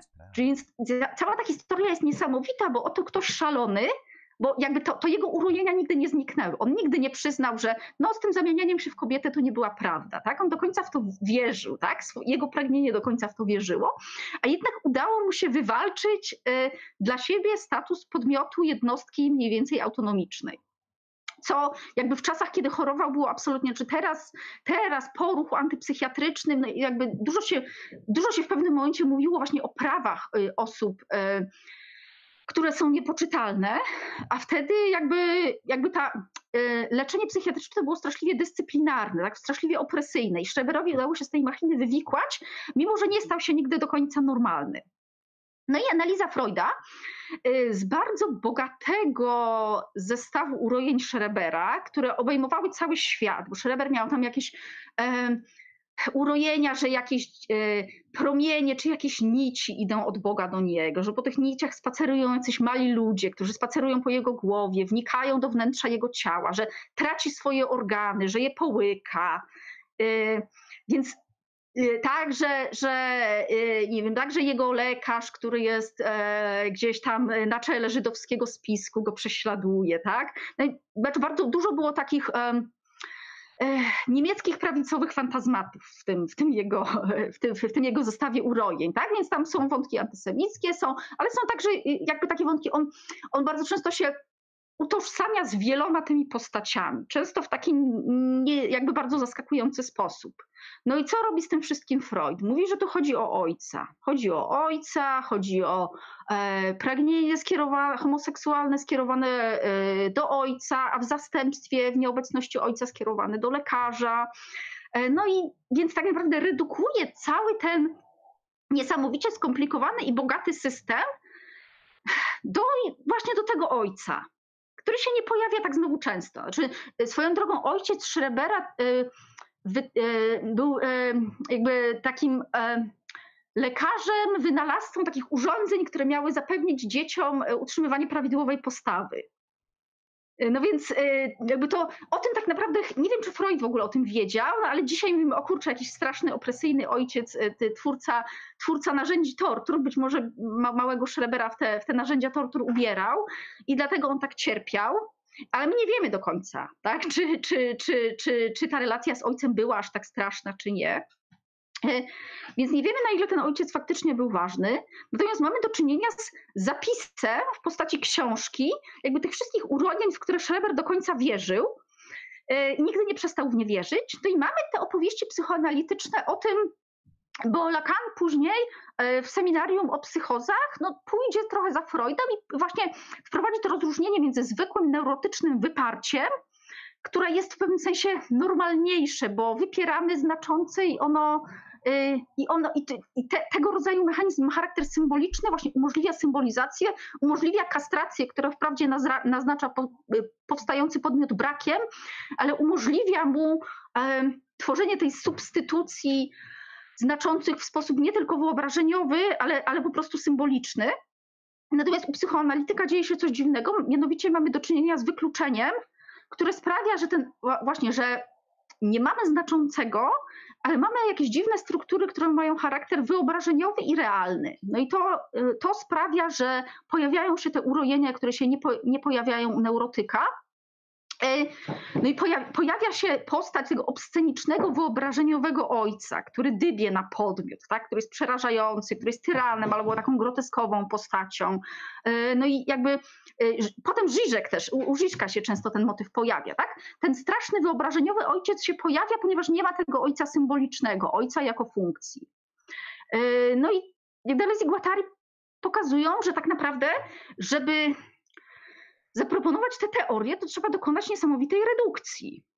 Bo tam chodzi właśnie w, w urojeniach Schrebera, no jest ojciec, są lekarze, ale właśnie są ci Żydzi, są ci Aryjczycy, są te promienie, są nerwy rozkoszy, które przenikają ciała, e, są ptaki, które są młodymi dziewczynami, które ćwierkają mu do ucha, więc jest tam jakby cały świat, jest tam polityka, jest tam społeczeństwo, które przyjęło jakąś taką strasznie dziwną, groteskową postać. E, no i mówienie, że to wszystko jest kwestia ojca, czy kwestia znaczącego albo jego braku, no jest trochę takie no, smutne. Tak? Właściwie oznacza, że się nie robi nic z tym, z tym systemem. A nie, książka jest po prostu niesamowita, jest wspaniała. I szczerze mówiąc, e, właśnie ze względu na swoją paradoksalność, tak? bo tutaj pisze do nas ktoś, kto jest absolutnie poczytalny, w tym sensie, że może być podmiotem dyskursu literackiego, a jednocześnie ktoś, kto jest absolutnie niepoczytalny, ponieważ w swoje urojenia wierzy. Więc jest niesamowita sprawa. Więc Schreber został trochę takim świętym psychozy, y, zresztą jakby absolutnie na to zasługiwał, tak? Y, y, ponieważ, ponieważ jego psychoza była niezwykła, a przy tym on trochę tak jak mistycy i mistyczki był w stanie o tym nam napisać, tak? był w stanie przełożyć te urojenia na dyskurs. No i jest trochę tak, że właśnie u Deleza i Guattariego pojawiają się właśnie te organy, które w cudowny sposób znikają, pojawiają się. Y, ciało bez organów, to pragnienie, żeby te organy rzeczywiście zniknęły, tak? Y, I ta, jest bardzo dużo po prostu wątków szreberowskich i rzeczywiście przypadek Schrebera jest trochę takim wzorcem psychozy dla, dla nich. E, ja jeszcze przejdę do komentarzy. Też mhm. dziękuję bardzo za donaty. Mhm. Tutaj e, napisali, że miło się słucha. E, to dziękuję. Tak. I jeszcze było pytanie o pragnienie. Sekundkę. Boże, za dużo tego jest, ale, ale tak. W jakim sensie pragnienie u Deleza i Guattariego jest produktywne? Jak pojmować pragnienie, które nie jest brakiem? A tam ktoś też zapytał, czy to pragnienie, Antonina Januszkiewicz zapytała, czy to pragnienie nie od Spinozy? Wydaje się, że właśnie od niego czerpią rozumienie tego pojęcia pragnienie, które nie jest brakiem, ale czystą ontologiczną pozytywnością. Dobra, tyle na początek, bo tam jeszcze jest naprawdę trochę się nazbierało nagle tych pytań. Oczywiście, oczywiście. Znaczy to, jest, to jest oczywiście wątek niczeański, tak? I ta, ta, ta próba pokazania, że y, melancholia, brak, y, niezaspokojenie, niespełnienie, że to wszystko tak naprawdę, że, że to jest y, wynik pragnienia, które, które zostało zrepresjonowane, które zostało osłabione. No a tak naprawdę całe korzenie tego wszystkiego faktycznie tkwią u Spinozy, no u Spinozy i też trochę u Leibnica, no bo jakby Deleuze y, konstruuje dla siebie taką filozoficzną genealogię, pokazując, że o ile cała filozofia XIX i XX wieku podąża tą ścieżką e, idealizmu transcendentalnego w niemieckiej filozofii spekulatywnej, y, Kanta, Fichtego, Schellinga, Hegla i tak dalej, mm, on troszeczkę tę ścieżkę omija i pokazuje, że w XVII wieku Spinoza i Leibniz, y, właśnie to Spinoza i Leibniz, a nie Kartezjusz byli takimi najciekawszymi e, twórcami e, inspirujących dzisiaj koncepcji ontologicznych. No i właśnie kwestia pragnienia, które mm, ma charakter immanentny, bytu, który ma charakter jednoznaczny e, i etycznego projektu Spinozy. Tak? Bo u Spinozy chodziło o to, żeby właśnie nie żeby e, kochać Boga, czy żeby wejść z Bogiem w relację jako innym. E, jest bardzo fajna książeczka Michała Kozłowskiego, Sprawa Spinozy na ten temat. I tam się pojawia właśnie mm, ważne spostrzeżenie, że Spinozie nie chodziło o to, żeby się z Bogiem e, spierać, wejść z nim w jakąś toksyczną relację jak ze swoim innym, tak, wielkim innym, tylko żeby próbować być jak Bóg. Tak? No i co to znaczy? No, trąci troszeczkę taką hybris, ale, ale Spinozie właśnie chodziło o to, że Bóg jest naturą, jest immanencją, jest całością wszystkiego, co istnieje. Wszystkie byty są jego modusami, i my, znajdując się w tej całości, powinniśmy chcieć ją naśladować. No i dla Spinozy oznacza to istnienie rozumne, czyli docierające do przyczyn, yy, negujące pewnego rodzaju mistyfikację. Yy, więc jest to swego rodzaju racjonalizm, ale to jest bardzo dziwny racjonalizm. To jest racjonalizm, który, czy Spinoza był dla współczesnych szokujący, właśnie ze względu na immanencję, właśnie ze względu na to założenie, że Bóg, my jesteśmy w Bogu, a Bóg jest w nas, Bóg nie jest gdzieś tam na zewnątrz. Y, nie jest też taką abstrakcyjną zasadą, która jest odcięta od tego, co materialne, jak u Kartezjusza. Bo tak naprawdę można powiedzieć, że to kartezjanizm to, to jest ten główny nurt, który który przechodzi potem przez filozofię, niemiecką filozofię spekulatywną, chociaż też nie do końca, ale o tym później, i który kończy się trochę na Lakanie. E, tak? Ta wizja negatywności, wizja zasady organizującej świat, która jest transcendentna. No i to jest ten główny nurt, ale oprócz tego mamy też e, nurt spinozjański. No mamy Leibnica z jego jeszcze dziwniejszą niż spinozjańska ontologią, monadami, które, no jest tam u, u, u Leibnica Bóg, który jest transcendentny, ale mamy jednocześnie monady, czyli mamy radykalny pluralizm, E, monady, które nie komunikują się ze sobą, są absolutnie zamknięte, ale każda z nich odzwierciedla i wyraża cały świat na swój sposób. Nie? Więc e, no i to, to, to ta e, delezjańska, delezjański hasłomonizm równa się pluralizm. Tak? To jest to połączenie Spinozy z Leibnicem. No i więc, więc tak, więc tak naprawdę jest bardzo dużo tych poprzedników, tych źródeł inspiracji, więc ma, jest Spinoza, jest właśnie cały ten materialistyczny, trochę podziemny nurt e, idący od Spinozy i Leibnica i właśnie dochodzący przez y, Bergsona, Niczego, Batesona e, do Deleza i Guattariego. Więc właśnie to też nie jest tak, że Deleuze i Guattari są przeciwko filozofii w ogóle, czy przeciwko metafizyce. Tak? Oni są jak najbardziej metafizykami, akademickimi, tradycyjnymi i tak dalej.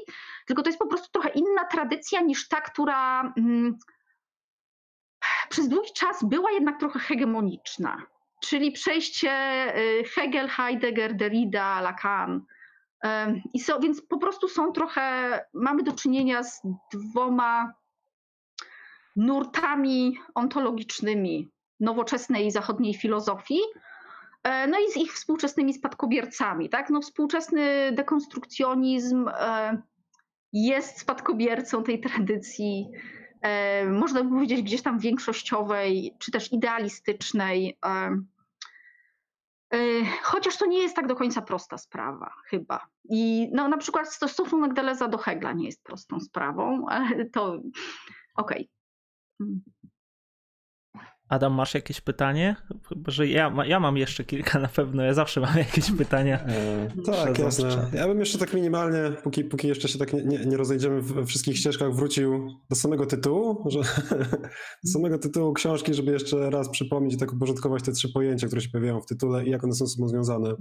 Więc mamy Edypa, a więc e, chciałbym zapytać od razu, czym jest Edyp, dlaczego książka jest przeciwko temu Edypowi, co ten Edyp symbolizuje i jak to się ma do kapitalizmu i schizofrenii, bo wydaje mi się, że jeszcze jakby ta trójka tutaj nie padła, a fajnie byłoby, mam wrażenie, tak uporządkować, jak te trzy wątki, czyli to antyedyp, e, kapitalizm i schizofrenia są ze sobą połączone. Yy, Okej, okay. więc Edyp jest, no oczywiście to jest nawiązanie do, do książki Niczego, Antychryst, czy też czasem tłumaczone jako antychrześcijanin, chociaż ten antychryst brzmi lepiej chyba, brzmi lepiej niż tam szokuje wciąż, i, więc antychryst jest lepszy. Y, no ale właśnie to jest też taka y, za Niczem, który starał się krytykować, y, czy wręcz niszczyć wszelkie postaci e, ukupiania pragnienia, e, właśnie naznaczania go jakimś tam smutkiem, melancholią, winą i tak dalej.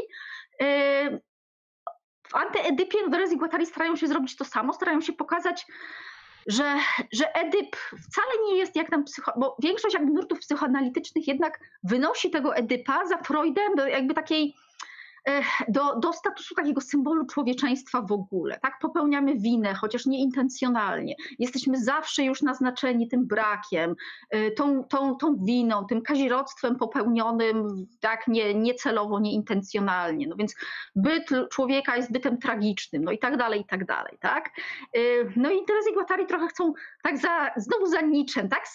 przestać być tymi wielbłądami dźwigającymi ciężar winy, no i stać się, dotrzeć do tego poziomu dziecka, tak? które już nawet nie walczy z tymi, z tymi strukturami, bo, bo, bo ich nie potrzebuje i no, to przechodzi się przez stadium lwa, które aktywnie niszczy. Tak? No i antyedyp jest właśnie troszkę tym.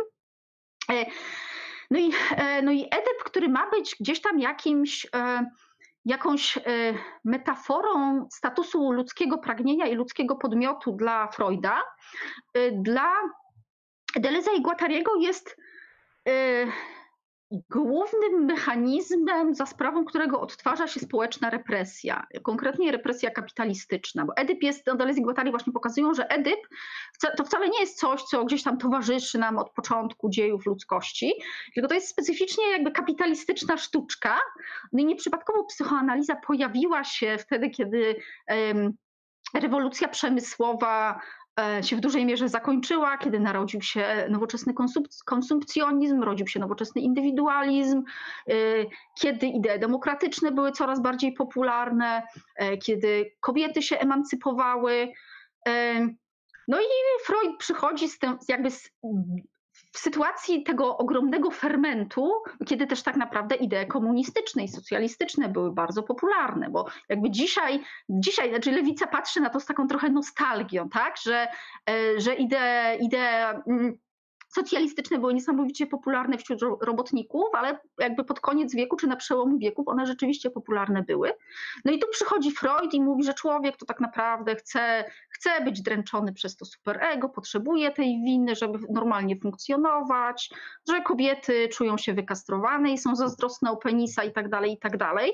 Więc kiedy się ocenia jakby dorobek Freuda, yy, to warto pamiętać o tym, że on, że te jego takie konserwatywne wnioski y, były formułowane w kontekście y, jakby niesamowitego społecznego fermentu. I on ten ferment chciał troszeczkę usadzić swoją koncepcją pragnienia. Y, no i więc mamy tego Edypa, który się pojawia w kontekście kapitalistycznym, psychoanalizę, która się pojawia w kontekście kapitalistycznym, no i która mówi nam, że tutaj my tak naprawdę pragniemy własnego zniewolenia. I że tak naprawdę nam jest w tym tragizmie całkiem dobrze. E, I że nie ma nic innego, tak, poza neurozą, czyli takim zwykłym, codziennym cierpieniem, jak to mówił Freud, tak, że trzeba pacjenta wyleczyć z symptomu, no i przywrócić go kondycji takiego zwykłego, codziennego, normalnego cierpienia. E, co jest takie smutne, nie wiem dlaczego ludzie wciąż to lubią, ale nie, nie, niektórzy ludzie to lubią, no tak jest. No i no i cała ontologiczna koncepcja produkcji pragnącej ma na celu właśnie zrekonstruowanie tego nieszczęsnego Edypa i pokazanie, w jaki sposób on się pojawia wraz, e, pojawia wraz e, z trzecią wielką maszyną społeczną, czyli socjusem, czyli ciałem bez organów, ale ciałem bez organów, które obejmuje całe społeczeństwo. Tak? I Deleuze i Guattari wyróżniają trzy takie maszyny społeczne. Maszynę terytorialną, maszynę despotyczną i maszynę kapitalistyczną. E, I też no, no, y, można, je, można je też, e, nazywają je też e, w skrócie dzicy barbarzyńcy cywilizowani. To jest stary XIX-wieczny podział Louisa Morgana, antropologa, do którego odwoływał się m.in. Fryderyk Engels o pochodzeniu rodziny, własności prywatnej i państwa. No więc jest to stare i trzeba pamiętać, że jest to trochę żart. Tak? Tutaj nie chodzi, nie chodzi o jakby bo Louis był takim typowym XIX-wiecznym ewolucjonistą. Tak? Ludzkość przechodzi przez kolejne stadia, właśnie od dzikich przez barbarzyńców po cywilizowanych. Oczywiście cywilizowani są naj, naj, naj, tak, y, najlepszym, tak docelowym i wszystkie społeczności w świecie powinny do tego punktu docelowego zmierzać, tak? tylko zmierzają w, różnych, w, różnych, e, w różnym tempie. Dlatego są na różnych stopniach rozwoju społecznego. E, no więc Deleuze i przejmują tego, przejmują tego rodzaju no, taką rasistowską, kolonialistyczną strukturę, no i robią z niej coś dziwnego, e, czyli trzy abstrakcyjne maszyny, które nie do końca się, znaczy nie jest tak, że konkretne społeczeństwa je unaoczniają, tak? Maszyny, maszyny istnieją w różnego rodzaju empirycznych społeczeństwach i I kiedy analizujemy konkretną formację społeczną, to możemy znaleźć w niej, nie wiem, elementy maszyny terytorialnej, elementy despotyczne, elementy być może kapitalistyczne. To są rzeczywiście abstrakcje, które mają, mają być takimi narzędziami analitycznymi. Oczywiście można za, za, zapytać, czy Deleuze i Guattari, y, bo i w Antyedypie, i w Tysiącu Plato jest bardzo dużo y, materiału antropologicznego który Deleuze i Guattari traktują, po prostu jako, znaczy jako źródło inspiracji, jako źródło materiału, ale też jako źródło pojęć. E, no i tutaj zarzucano im, że e, odtwarzają taki kolonialistyczny gest białego człowieka zachodu, tak? Że biorą te wszystkie egzotyczne ontologie i kosmologie, no i czynią je częścią własnego projektu i że to jest zawłaszczanie kulturowe. No i trochę jest, trochę jest, trochę faktycznie jest. Yy, I, i można, można by ten. Że to jest trochę tak, że oni od, odtworzyli to, co robili już pierwsi antropolodzy, tak? którzy, którzy wykorzystywali wiedzę swoich informatorów, często nie dając im nic w zamian, pisali książki, często zresztą zniekształcając to, co im informatorzy powiedzieli.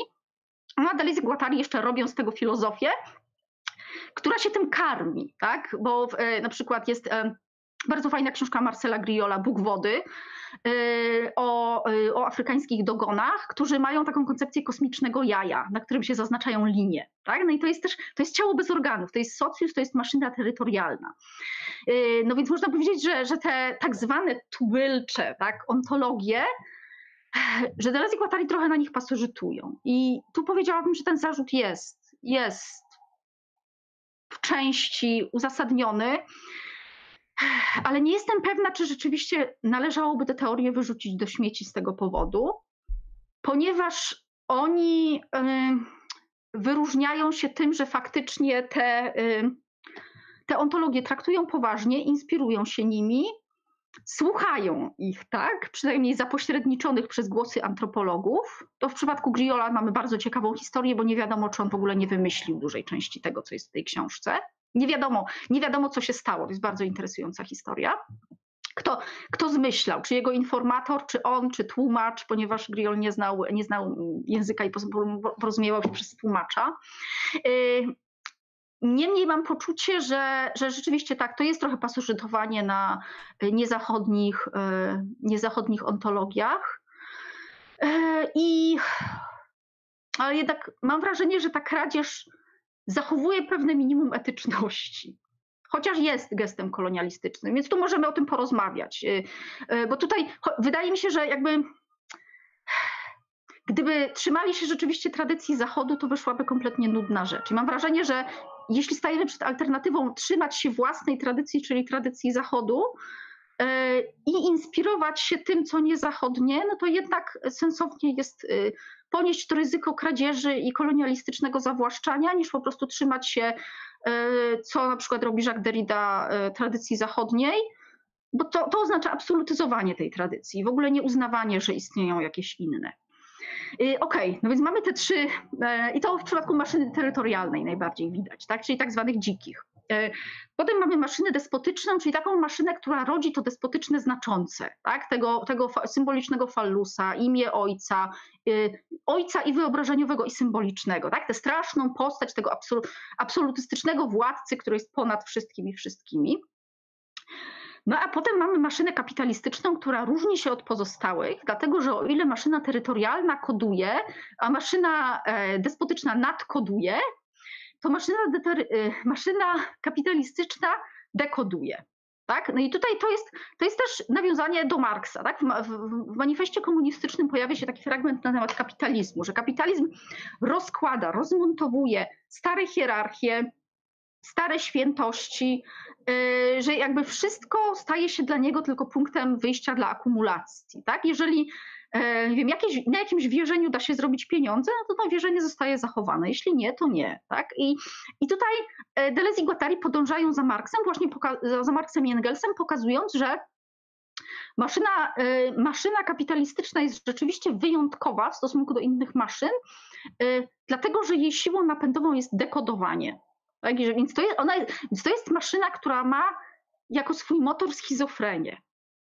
No i tutaj wchodzimy, wchodzimy na, na y, teren trochę manifestu akceleracjonistycznego, który właśnie odwołuje się do tego wątku. Tak? Mamy, mamy rzeczywiście, no i tutaj, kiedy, nie wiem, Marshall Berman na przykład mówi, że Marx tak naprawdę był zafascynowany kapitałem, tą jego niesamowitą siłą rozkładania wszystkich starych przednowoczesnych struktur, to akceleracjoniści troszkę przypisują podobne mm, stanowisko Delezowi i Guattariemu. Właśnie e, zwracając uwagę na, e, na, na tą e, siłę de, kapitalistycznej deterytorializacji, która zmierza do schizofrenii jako takiej absolutnej granicy. I tu widać, że schizofrenia wcale nie jest takim jednoznacznie fajnym, pozytywnym pojęciem, bo e, kapitalizm zmierza trochę do takiego momentu, kiedy dojdzie do tak niesamowitego przyspieszenia deterytorializacji, rozkładu wszelkich kodów, przyspieszenia działalności maszyn pragnących, że wylądujemy E, w bardzo brutalny sposób na pustyni takiego czysto schizofrenicznego, pustego ciała bez organów, które rozłożyło wszystkie organy, wszystkie organizmy. E, I to nie jest wcale do końca fajne, a jednocześnie to jest schizofrenia, to jest ta absolutna pozytywność, która tutaj w działalności kapitalizmu przechodzi w absolutną destrukcję. Przy czym trzeba pamiętać, że kapitalizm wcale, że kapitalizm wcale nie zmierza po prostu do tej swojej schizofrenii jako absolutnej granicy, tylko wprowadza różnego rodzaju, no przede wszystkim wprowadza swoją y, główną y, zasadę, główny mechanizm organizacji, czyli aksjomatykę. Czyli takie właśnie coś, co, bo kody są w pewnym sensie jakościowe, tak? Kody są sposobami zapisywania. Kody są, o ile kody są pismem, to e, aksjomatyka jest finansjalizacją, tak? to porządkowaniem wszystkiego e, abstrakcyjnej wartości pieniężnej. E, no i to jest sposób, w jaki kapitalizm pożera i przetrawia wszystko, ale jednocześnie ważne jest to, że kapitalizm jednocześnie zachowuje różnego rodzaju terytoria. I tutaj, kiedy mówimy o, kiedy no, no widzimy współczesny wzrost popularności ruchów prawicowych, tak? te wszystkie opowieści o rodzinie, o kościele, o tożsamości narodowej, które nam się wydają jakieś takie przestarzałe, a one wcale przestarzałe nie są, ponieważ to są te mini terytoria, których kapitalizm potrzebuje, żeby dobrze funkcjonować. Bo tak naprawdę działanie kapitalizmu wymaga tych spowalniaczy, tych takich trochę garbów na jego drodze w postaci właśnie faszyzmów, e, w postaci nacjonalizmów, w postaci religii, e, w postaci walki z LGBT. Tak? To są te spowalniacze, które sprawiają, że kapitalizm nie dochodzi do, do schizofrenii jako, jako absolutnej deterytorializacji, absolutnej granicy.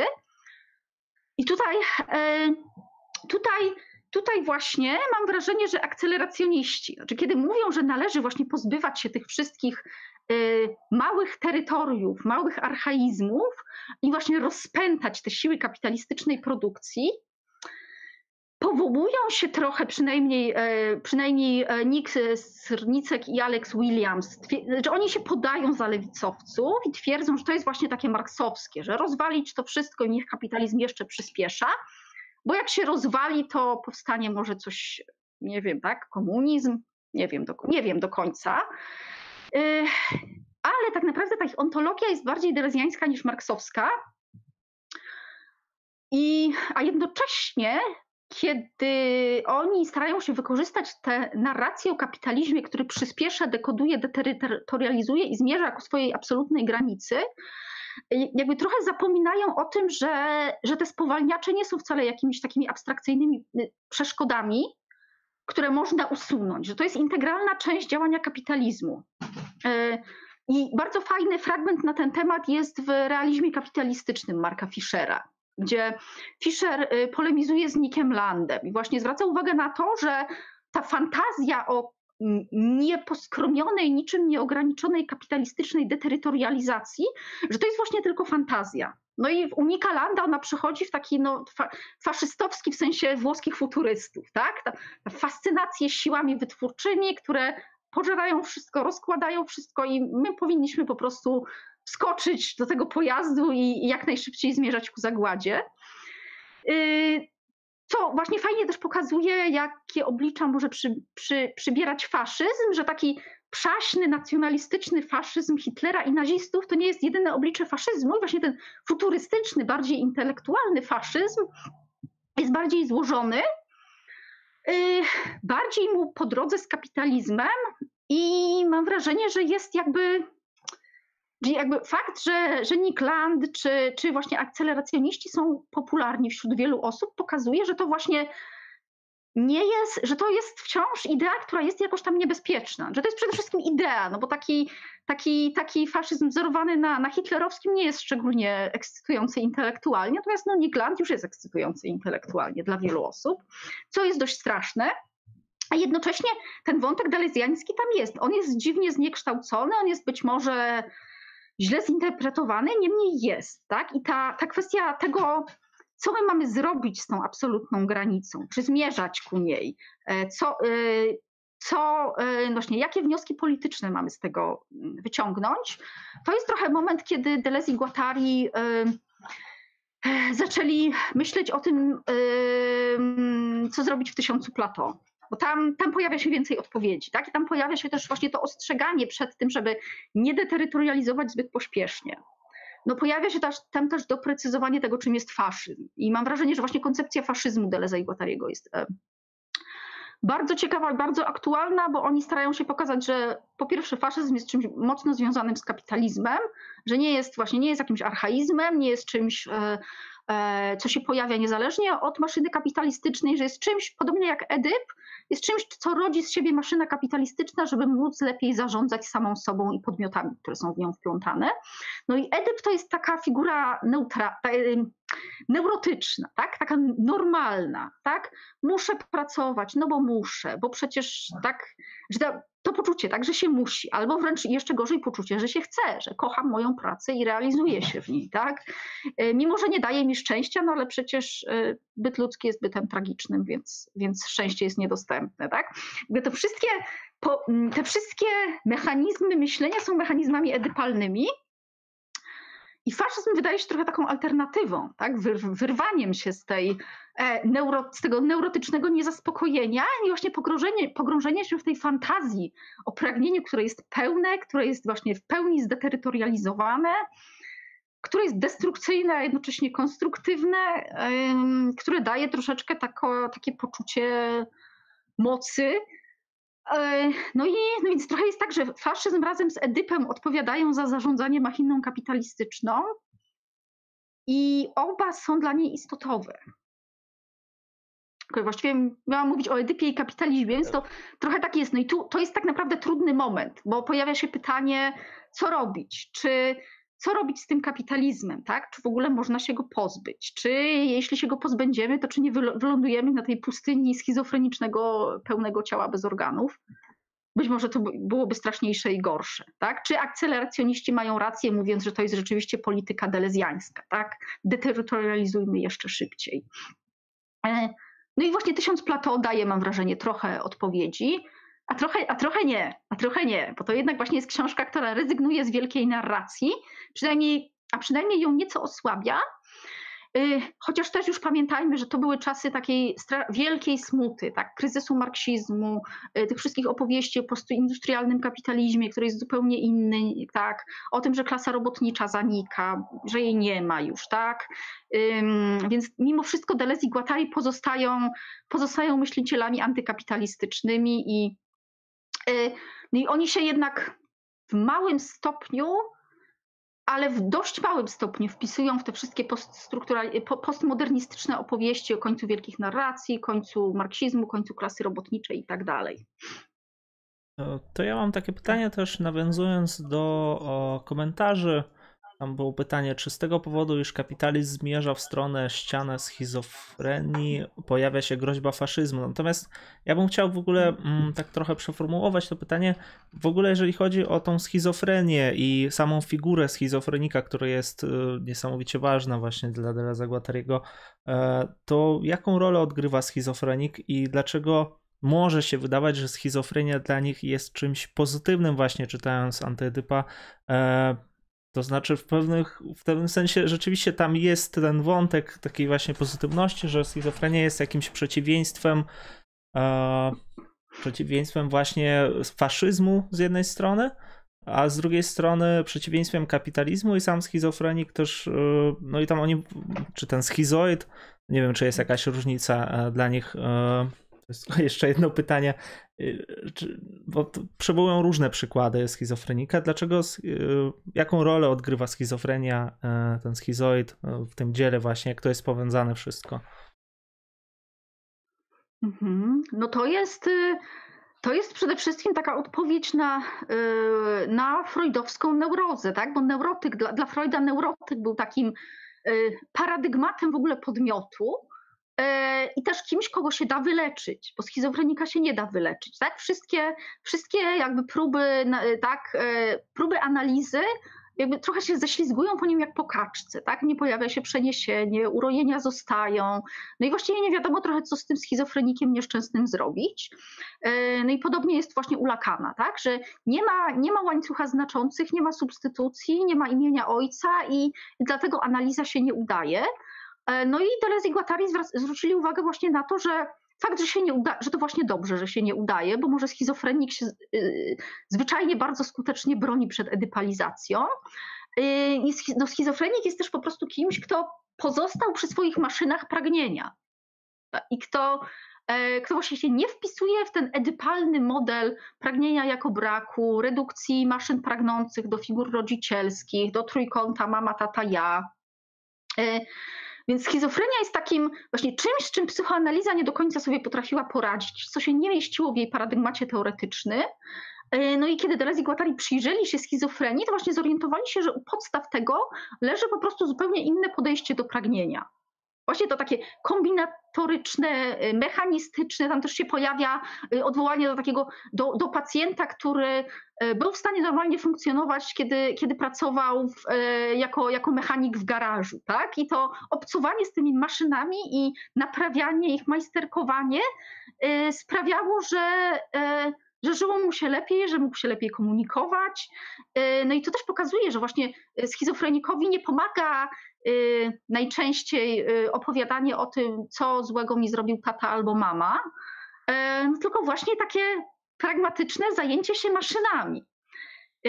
I to jest, to jest takie rozpoznanie trochę dosłowne, a trochę metaforyczne, bo ono pokazuje, że, że kiedy, kiedy się drąży te opowieści o rodzicielskie, o dzieciństwie, że to nie do końca wszystkie, że tak, że to tak naprawdę nie pomaga, bo bardzo często utrwala to przekonanie, że rodzina jest takim miejscem pierwotnej traumy, a bardzo często nie jest. Albo bardzo często jest tak, że ta trauma jest tylko jedną z wielu traum, które zafundowało pacjentowi życie i wcale nie jest decydująca. Psychoanaliza w takim klasycznym freudowskim y, ujęciu nie widzi tego, że nawet bardzo małe dziecko już jest podłączone do całego społeczeństwa, całego świata, co właśnie jest ciekawe, bo kiedy się mówi na przykład o nabywaniu ról genderowych, mówi się, że a już trzylatki wiedzą, które kolory są dziewczęce, które chłopięce, tak?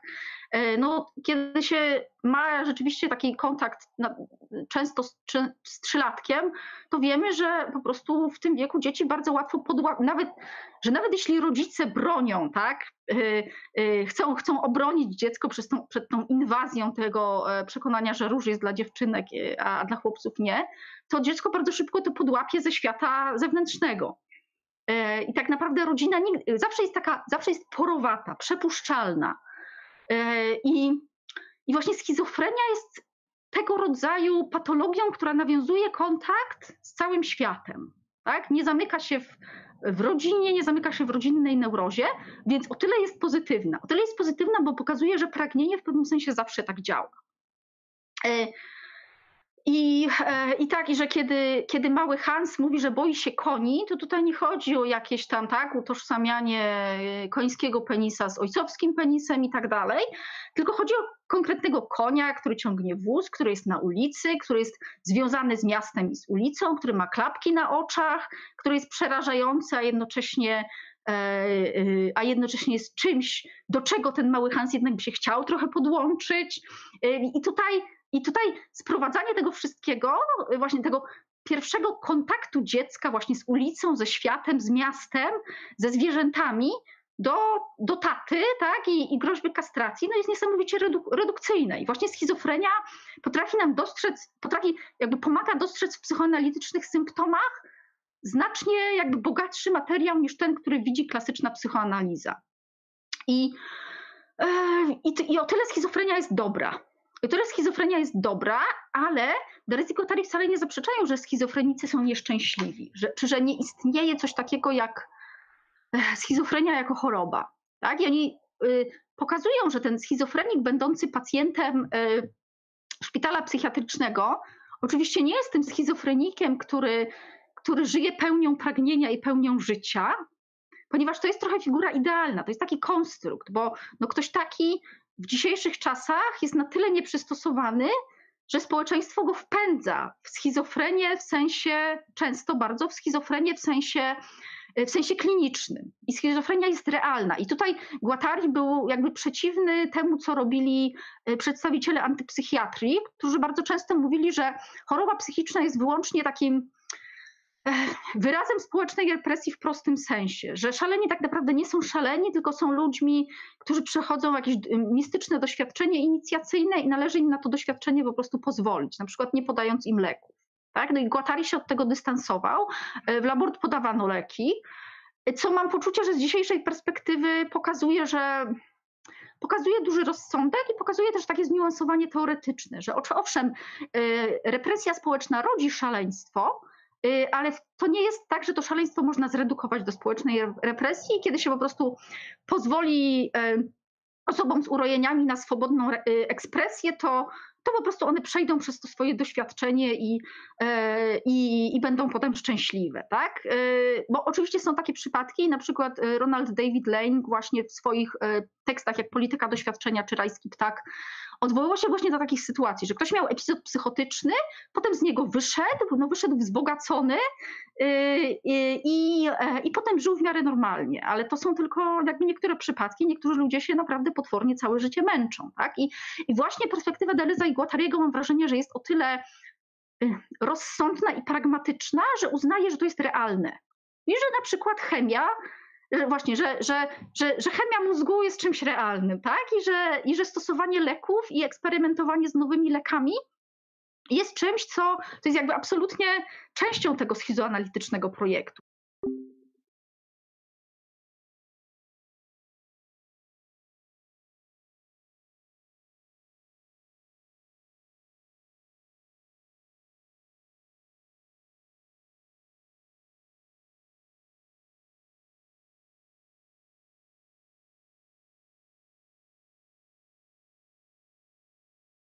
O, bardzo przepraszam, wyłączyło się przez przypadek. Przepraszam bardzo. E, chciałem wyłączyć mikrofon i się wyłączył cały, cały ten e, stream. Jeszcze raz przepraszam. Tak. E, przerwało jakieś 30 sekund temu. Okej, okay, ale jesteśmy z powrotem teraz, tak? Tak, tak, tak, tak, tak, tak. tak. Dobra, tak, tak. dobra. Dobra, okej, okay, więc o, o, tej schizofrenii, bo to jest tak, że ona jest dobra jako alternatywa pokazująca, że pragnienie, że jest znacznie więcej struktur i sposobów organizacji pragnienia niż ten neurotyczny, edypalny, ale z drugiej strony ona jest przerażająca. I to, to widać już na początku, kiedy, kiedy właśnie pojawia się e, ciało bez organów które jest kluczowe do tego, żeby w ogóle pragnienie mogło się autonomicznie organizować, ale jednocześnie no, jest taką trochę straszną figurą. Tak? Kiedy pomyślimy właśnie o, o tym jaju, które nie, nie ma nosa, oczu, ust, które jest niezróżnicowane, które jest ślepe i które jest tak bardzo sobą, że, że ta sobość się rozłazi w nicość, y, to pojawia się tutaj coś, co no w innych słownikach filozoficznych określa się mianem negatywności. To nie jest do końca to, bo to nie jest ta negatywność, znaczy, to nie jest ta negatywność, która nas naznacza tym tragizmem, niespełnieniem od razu, bo w pewnym sensie ciało bez organów jest idealnie spełnione, no właśnie dlatego, że, że jest niezróżnicowane, że jest, bardzo so, że jest tak bardzo sobą, że nie potrzebuje niczego e, i że może przyłączać do siebie organy e, i przyłącza je na mocy swojej natury, ale jednocześnie te organy sprawiają jej, jemu ból. Y, no więc to jest. Y, więc to nie jest. I ten moment bardzo fajnie pokazuje, że Deleuze i Guattari wcale nie są jakimiś takimi ideologami radosnego, niezróżnicowanego fluksu. Że na zanim jeszcze pojawi się Edyp, to pojawia się ta ambiwalentna bardzo kategoria ciała bez organów, która jest jednocześnie taką apoteozą czystości pragnienia i która jednocześnie jest trochę straszne.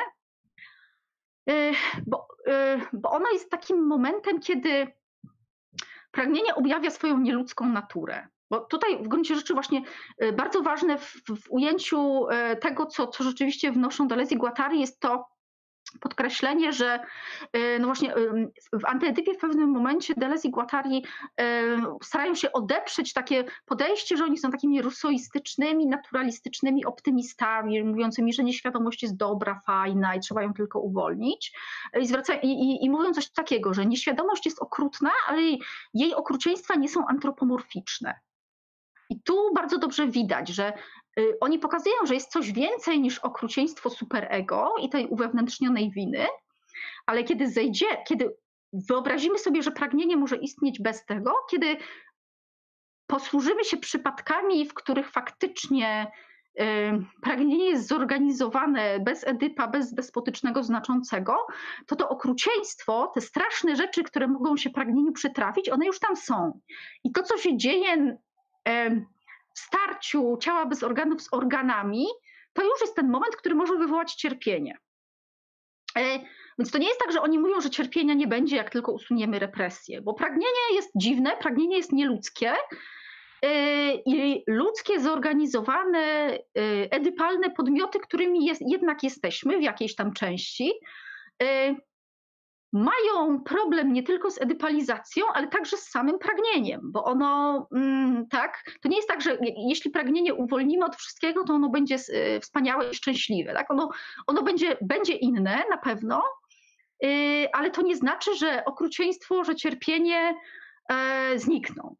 Tak? Więc to nie jest, to nie jest takie, y, jakaś taka wizja, że tu pragnienie trzeba uwolnić i, i wtedy będzie super tylko pokazanie właśnie, że oprócz tego okrucieństwa antropomorficznego w postaci tej figury ojca, czy ojca jako funkcji, są jeszcze inne rodzaje okrucieństwa. I właśnie ten y, pragną, to, to, ta pragnąca maszyna, która się szarpie między biegunem ciała bez organów, a biegunem ciała zorganizowanego, że tu pojawia się prawdziwy konflikt który nie jest tak naprawdę możliwy do rozwiązania, bo kiedy na poziomie trzeciej syntezy, pojawia się podmiot, właśnie ten podmiot, który jeszcze nie jest podmiotem edypalnym, tak? Mamy tę trzecią syntezę, czyli syntezę konsumpcji, czyli syntezę, którą podsumowuje hasło a więc to jest, tak? Albo czasem, jak mówią Deleuze i a więc to ja. Tu się już pojawia jakieś ja, tak? które jest zrodzone przez maszyny pragnienia, które nie, nie potrzebuje znaczącego, ale które jest tak naprawdę wtórne wobec tych stanów. Więc podmiot, podmiot, który się pojawia, nie stabilizuje tego napięcia między ciałem bez organów a organami. E, wprawdzie stabilizuje je gdzieś tam e, prowizorycznie na jakiś czas, ale to, jest, to nie jest nigdy coś, co pozostanie trwałe, tak? bo podmiot cały czas przechodzi przez kolejne stany, maszyny pragnienia cały czas pracują. Jeśli jest jakaś równowaga, to ona jest bardzo ulotna. No więc tak, więc właśnie schizofrenia jest też przyczyną, tak nie tylko kultura, ale też schizofrenia jest źródłem cierpień tutaj, tylko to są innego rodzaju cierpienia niż te, które mógł sobie wyobrazić Freud. No i kiedy przechodzimy na poziom wielkich maszyn społecznych, to widzimy, że kapitalizm jest tą maszyną, która, która jest napędzana schizofrenią w pewnym sensie, tak? Nie odpycha tej schizofrenii jak pozostałe maszyny, czy raczej nie odpycha jej w taki prosty sposób jak pozostałe maszyny, tylko wciąż ku niej zmierza, ona wciąż w niej pracuje i dlatego właśnie kapitalizm może rozpuścić wszystkie inne poziomy organizacji, ale jednocześnie cały czas je rodzi. Bo w pewnym sensie maszyna kapitalistyczna wie, że gdyby nie miała tych struktur, tych terytoriów czy archaizmów, e, no to przekształciłaby się w ciało bez organów. to jest, to jest coś, przed czym ona jednak cały czas ucieka. Tak? Ona zmierza ku tej, ku tej granicy i jednocześnie cały czas stawia sobie przeszkody.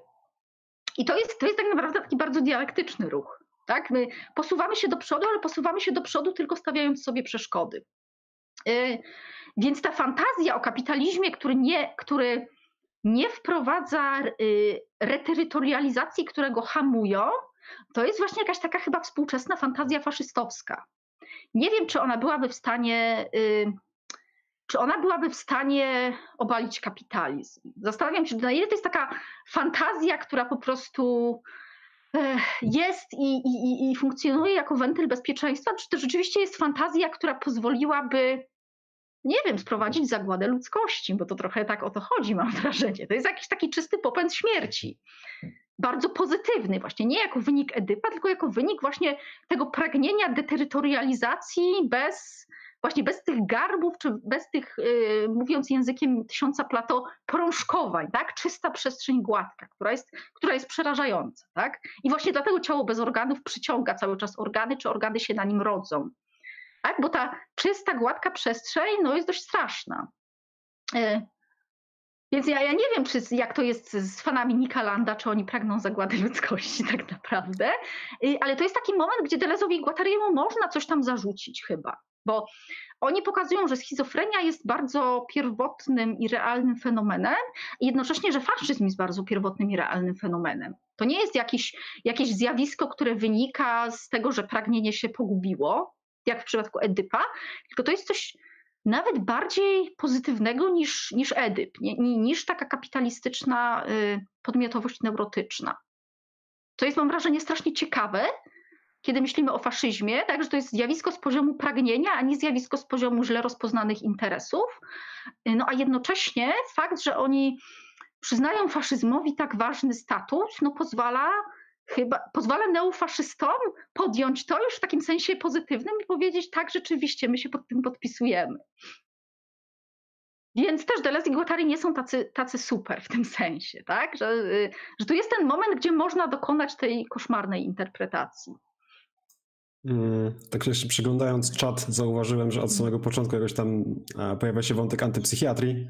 A to mm. może tak w, tam w paru słowach, czym jest antypsychiatria i jak to, jak to się ma do Foucaulta i właśnie do projektu Deleuze i Guattariego? Jeszcze ten wstęp e, Foucault o faszyzmie, akurat tak nawiązując do tego, co przed chwilą mówiłaś, jest chyba bardzo istotne. On mówi, że, że cała książka w ogóle jest e, o tym, jak przestać być faszystą, czy jakoś pozbyć się tego faszyzmu wewnętrznego. Dobrze, to jest mhm, taki wątek, mm który mi się nasunął. Okej, okay, dobra, to już tak zamykając wątek faszyzmu. Tak, tak, rzeczywiście ta, ta, ta e, przedmowa Foucault bardzo fajnie no, ustawia trochę, mam wrażenie, że, że trzeba pamiętać właśnie, że Deleuze i Guattari nie byli fanami tego schizofrenicznego faszyzmu, tylko starali się pokazać, że, on, że to jest prawdziwe zjawisko i dlatego trzeba być na nie bardzo wyczulonym. Potem Foucault mówi o tych smutnych rewolucjonistach, smutnych kapłanach rewolucji, którzy myślą, że są lewicowi, a tak naprawdę nie, nie do końca są. I jakby no tego rodzaju postaci do dziś istnieją, tak? Lewicowcy, którzy, którzy mają taką, tak bardzo sprecyzowaną wizję swojej linii partyjnej, że są gotowi po prostu pokłócić się ze wszystkimi, wszystkich wykluczyć, tak? I, no i, no i gdzieś tam Deleuze i Guattari pokazują, że to jednak raczej chodzi o majsterkowanie, że jeśli musimy stworzyć jakieś terytorium, które się wydaje nie do końca postępowe, no to je stwórzmy, tak? Bo, y, bo właśnie y, antyfaszysta czy, czy lewicowiec jest takim trochę brikolerem, tak? Y, który, który buduje swoje maszyny z różnych składników. Więc, więc tak. No i tak, jeśli chodzi o antypsychiatrię, no to tak, to był ruch zapoczątkowany w latach 50., 60. w różnych miejscach, głównie, głównie tak naprawdę najsłynniejszą odnogą antypsychiatrii była ta amerykańska, właśnie z, z Ronaldem Davidem Langiem, z e, Tomasem właśnie Szaszem czy Sasem, nie wiem szczerze mówiąc, jak się wymawia to nazwisko. Y, no i jakby główną podejść, głównym, główną tezą, no też bardzo ważna była książka Erwinga Goffmana, Instytucje, Instytucje Totalne chyba instytucje. Tak. Y, o, no to była taka jakby bardzo solidna, empiryczna analiza tego, jak funkcjonują szpitale psychiatryczne, jak bardzo, jak bardzo są opresyjne i jak bardzo no tak naprawdę niszczą tych pacjentów zamiast ich leczyć, ponieważ odbierają im podmiotowość.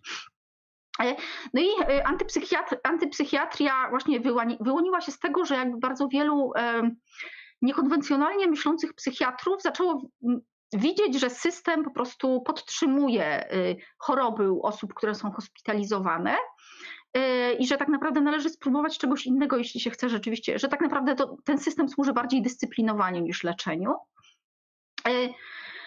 I to było oczywiście związane z rozwojem kontrkultury, z zainteresowaniem różnego rodzaju substancjami psychodelicznymi jako bramami do e, osobistego rozwoju i innej rzeczywistości, zainteresowaniem doświadczeniami mistycznymi i właśnie zainteresowaniem szaleństwem jako właśnie współczesnym doświadczeniem mistycznym, które nie jest tylko gdzieś tam jakimś rozkładem osobowości, ale też może wzbogacać. E, I na tej podstawie właśnie zaczęto prowadzić analizy tego, w jaki sposób symptomy chorobowe pojawiają się wskutek czy to opresyjności społeczeństwa, czy to opresyjności rodziny. I pojawiło się właśnie, pojawiały się stanowiska pokazujące, że bardzo wiele przypadków chorób psychicznych to są e, przypadki właśnie czegoś, co zostało skonstruowane, tak? że to społeczeństwo wpędza pacjenta w chorobę. E, przy czym wtedy wiedziano znacznie mniej o tym, jak działa biochemia mózgu i znaczy do dziś tak naprawdę wiemy zbyt mało o tym na przykład, jak powstaje schizofrenia. E, I wciąż jakby psychiatria rozwija się tak trochę metodą prób i błędów i powstają kolejne, y, kolejne rodzaje leków, które są coraz doskonalsze, coraz lepsze, ale to nie jest tak, że mamy jakby stuprocentową wiedzę na temat tego, co się dzieje w mózgu w przypadku na przykład depresji. Tak? I, I rzeczywiście jest tak, że choroby psychiczne nie są jednostkami klinicznymi w takim prostym stopniu jak y, choroby czysto fizyczne. Więc jakby to, co ro, robiła antypsychiatria, znaczy zwracanie uwagi na konstruowanie pewnego rodzaju schorzeń, tak, histeria na przykład, tak, histeria e, na przełomie XIX i XX wieku po prostu tysiące kobiet miały histerię, dzisiaj nie ma histerii, tak. Są jakieś e, są schorzenia, w przypadku których mamy do czynienia z częścią tych objawów, ale takiej czystej histerii, jak ją opisywali ówcześni lekarze, nie ma. Co się stało z chorobą? To nam też pokazuje, tak, czym jest histeria? Czy ona była rzeczywistym zjawiskiem? Czy ona była czymś konstruowanym społecznie? Y, czy ona była czymś, czego kolejne pacjentki uczyły się od siebie? Bo tak właśnie było i często jakby pacjentki histeryczne przybywające w szpitalach psychiatrycznych po prostu miały ataki równolegle, tak? Jedna zaczynała i kolejne do niej się przyłączały. Tak? No więc taka choroba, nie choroba. Y, no i to pokazuje, że choroba psychiczna jest takim obiektem dyskursywnym o bardzo skomplikowanym statusie. I antypsychiatria y, zwróciła właśnie na to uwagę, troszeczkę też nadszarpnęła ten status psychiatry jako po prostu lekarza i naukowca i pokazała, że w tej nauce jest bardzo dużo takiego społecznego dyscyplinowania. Yy, no i próbowano yy, wprowadzać yy, różnego rodzaju in, inne formy terapii. Przy czym w przypadku Leininga to bardzo wyglądało tak, że, że Lening zakładał, że pacjentowi należy po prostu pozwolić przejść przez jego doświadczenie inicjacyjne, i, i, I, no to było związane z tym, że, że nie wiem, tak, pacjent, pacjenci, pacjentki jakby nie, nie dostawali leków, pogrążali się w swoich urojeniach. Zwłaszcza e, Guattari napisał e, tekst o, o Mary Barnes, która była taką gwiazdą Leininga trochę i która przeszła taką regresję do stanu wręcz niemowlęcego, tak mazała ścianę odchodami, tak, e, sikała pod siebie, w ogóle jakieś strasznie takie no, no, drastyczne rzeczy, które właśnie według Leininga świadczyły o tym, że ona bardzo konsekwentnie podąża za, za swoim doświadczeniem. No, Lening swoją drogą też molestował swoje pacjentki. E, ponieważ no, w duchu kontrkulturowym zakładano, że seks jest e, terapeutyczny, wyzwolicielski i tak dalej. E, Elaine Showalter w The Female, Female Malady, takiej książce o kobiecym szaleństwie. Właśnie jeden, jeden, jeden, artykuł, jeden rozdział poświęciła antypsychiatrii i tam pokazuje jakby jak duże znaczenie odgrywali tam mężczyźni o wielkim ego, którzy po prostu byli przekonani w równie opresyjny sposób jak klasyczni psychiatrzy, że oni wiedzą, co dla, dla podopiecznych najlepsze. E, no i właśnie, właśnie wykorzystywanie seksualne było bardzo, bardzo powszechne. E, chociaż jakby trzeba pamiętać, że z dzisiejszego punktu widzenia to było złe, niemniej jakby wtedy klimat był trochę inny, tak? I klimat w środowiskach kontrkulturowych. E, no i najważniejszym problemem w związku z antypsychiatrią no właśnie było to założenie, że da się całkowicie zredukować chorobę psychiczną jako fenomen do konstruktu społecznego co było bardzo jednostronne e, i co jakby dzisiaj właśnie ujęcie nowomaterialistyczne pokazuje, na czym polegał problem. Tak? Że to, że choroba psychiczna jest konstruowana, nie znaczy, że jest konstruowana czysto społecznie, bo biologia też jest konstruktem. E, I to, że w przypadku, nie wiem, tak, wychwytu serotoniny dzieje się coś dziwnego i rodzi się depresja, a jednocześnie na przykład y, osoba przechodzi przez trudny okres w swoim życiu i w ten sposób wyzwala się epizod depresyjny, który przychodzi od zwykłego przygnębienia do takiej zwykłej klinicznej depresji, że to jest jakby konstrukt, który jest jednocześnie fizyczny, materialny, biologiczny i społeczny. I często te czynniki społeczne i, i biologiczne ze sobą współpracują y, i się splatają. Y, no ale właśnie w antypsychiatrii właśnie często y, popełniano ten błąd jednostronności. Zakładano, że wystarczy usunąć tę represję społeczną i symptomy albo ustąpią, no albo właśnie przerodzą się w takie doświadczenie mistyczne, które tylko wzbogaci pacjenta. No i tak naprawdę w ten sposób udzielono pomocy wielu osobom, ale też wielu osobom zniszczono życie, tak? każąc im brnąć w najbardziej jakby drastyczne y, aspekty swoich urojeń i właśnie na przykład stwierdzając, że leki nie są im potrzebne. No i propozycja Guattariego, Deleuze Guattariego właśnie jest bardzo fajna, bo ona nie neguje biologicznego wymiaru e, choroby, nie neguje tego, że ona jest takim, że ona jest realną przeszkodą, że ona jest realna, że, że nie wystarczy, nie wiem, umieścić e, pacjenta w eksperymentalnej klinice i symptomy magicznie ustąpią. Tak? E, no i tu Guattari po prostu na podstawie swojej praktyki w Labort, no, która była, była eksperymentalnym e, szpitalem psychiatrycznym, ponieważ tam um, Lekarze nie nosili fartuchów, e, brali udział jakby w, w, funkcjonowaniu e, też takim technicznym, administracyjnym kliniki. Pacjenci też wykonywali, pracowali wspólnie, tam gotowali, prowadzili administrację. No wszyscy brali udział w jakichś projektach artystycznych czy tam aktywistycznych. Więc, więc faktycznie jakby to, co się działo w Labort, pokazuje, że że, że faktycznie klasyczny szpital psychiatryczny jest opresyjną instytucją, że upodmiotowienie pacjenta pomaga, ale jednocześnie to wcale nie jest tak, że, że, że te wszystkie objawy y, magicznie ustąpią, tak? bo nie, nie ustępowały. Na przykład y, y, tam ludzie, którzy, którzy, którzy pracowali w labor, mówili, jak, e, że, że ci ludzie bardzo, pacjenci nie mogli spać często, tak? I po prostu chodzili po, po, po budynku, po ogrodzie. I więc to wcale nie. I Guattari po prostu wiedział, tak? Tak, że choroba jest realna, tak, że to, to że ona jest, y, że, że społeczeństwo ją tworzy, to wcale nie, nie, nie sprawia, że ona jest mniej, mniej rzeczywista. I, I właśnie chyba nie popełniał tego błędu, którzy popełniali e, e, właśnie anty, antypsychiatryczni guru w rodzaju Lenga też nie romantyzował aż tak bardzo szaleństwa. To nie jest, to nie jest ta, ta, ta opowieść, w której, w której e, osoba z urojeniami ma po prostu doświadczenie mistyczne i to jest wspaniałe i należy je to afirmować. Tak, zaraz, zaraz. A co jeszcze? No i jeszcze jest w przypadku, y, w przypadku e, Tomasa y, Szasza problem e, takiego libertariańskiego skrętu w antypsychiatrii, bo Szasz zakładał, że po prostu e, podobnie jak w przypadku leczenia fizycznego, należy pozwolić osobie uważanej za chorą psychicznie, na to, żeby podjęła świadomą de decyzję taką kontraktualną, czy chce się leczyć, czy nie. I że należy w ogóle znieść Państwową Służbę Zdrowia, że przekształcić e, całą, e, całą psychiatrię no, w system takich e, kontraktualnych relacji między osobami prywatnymi. Co bardzo, znaczy w, w, Stanach Zjednoczonych elementy tego przeniknęły do polityki państwowej i to się bardzo źle skończyło. Zamknięcie, czy zamknięcie szpitali psychiatrycznych. I była taka kore, korelacja między zamknięciem wielkich szpitali psychiatrycznych, a nagłym wzrostem liczby bezdomnych. Więc y, to jest tak, że nie, nie, nie wzięto pod uwagę tych dobrych elementów y, wkładu antypsychiatrii, natomiast rozmontowano wprawdzie zły opresyjny system, ale nie zaproponowano niczego dobrego w zamian. E, ja tylko powiem, że już przekroczyliśmy dwie godziny. A tak, i... dwie godziny. Tak, ja myślę, że będziemy tak trochę zmierzać do końca.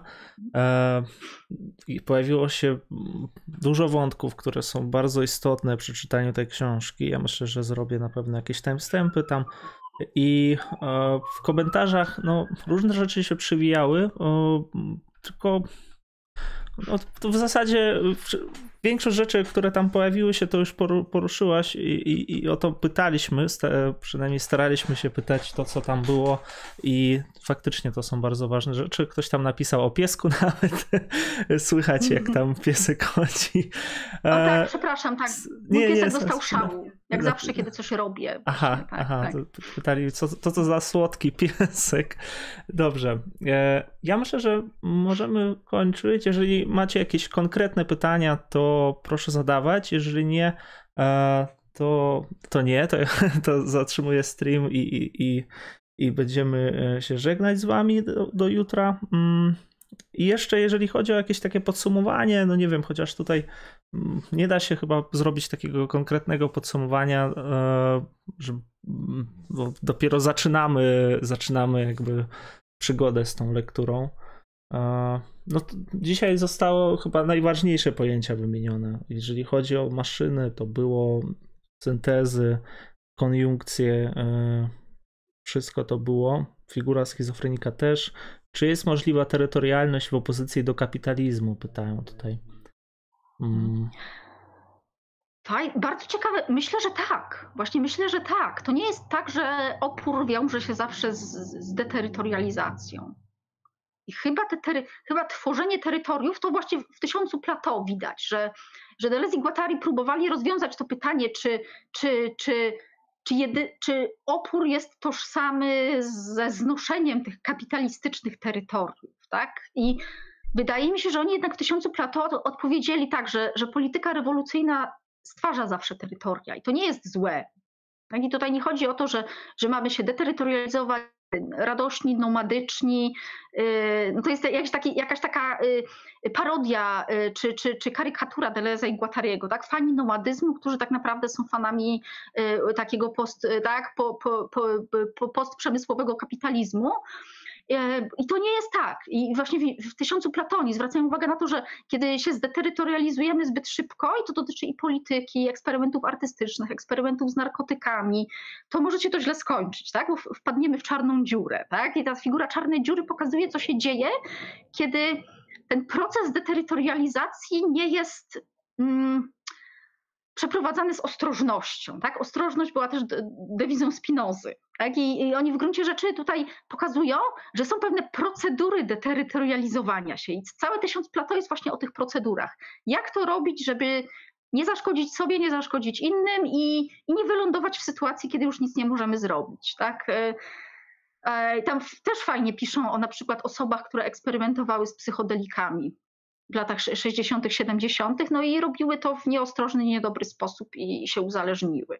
Tak? I tutaj nie chodzi o, o odrzucenie tego, tylko o właśnie y, podejmowanie tego rodzaju eksperymentów, ale tak, żeby zachować tą odrobinę terytorium, która nas ustabilizuje. Więc w gruncie rzeczy oni nie są przeciwko terytorium. Mhm.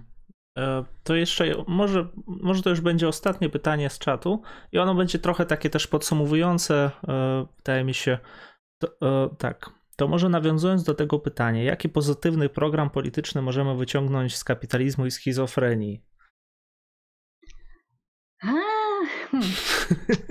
A, no tak, no ja bym powiedziała, że to jest taki marksizm, ale z anarchistyczną, autorytarną korektą, gdzie rzeczywiście kładzie się nacisk na to, żeby nie tworzyć od, wielkich, od, od, odgórnych struktur, a przynajmniej, żeby bardzo na te struktury uważać nie powiedziałabym, że to jest taki czysty anarchizm przeciwko marksizmowi, bo to na pewno nie.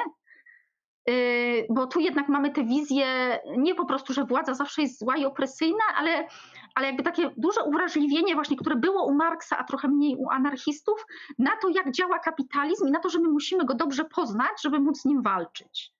Y, no i, żeby, i, i, i że musimy skonstruować odpowiedni właśnie odpowiednią reakcję, która nie będzie takim po prostu żywiołowym nie, tylko właśnie będzie tworzeniem takiego ruchu deterytorializacji, który zdestabilizuje całą maszynę, a nie tylko nas. Więc powiedziałabym, że to spokojnie jakby dzisiaj jest, jest y, to jest taki auto, antyautorytarny komunizm, na pewno też z korektą na, na, y, na kwestie feministyczne, na kwestie prozwierzęce.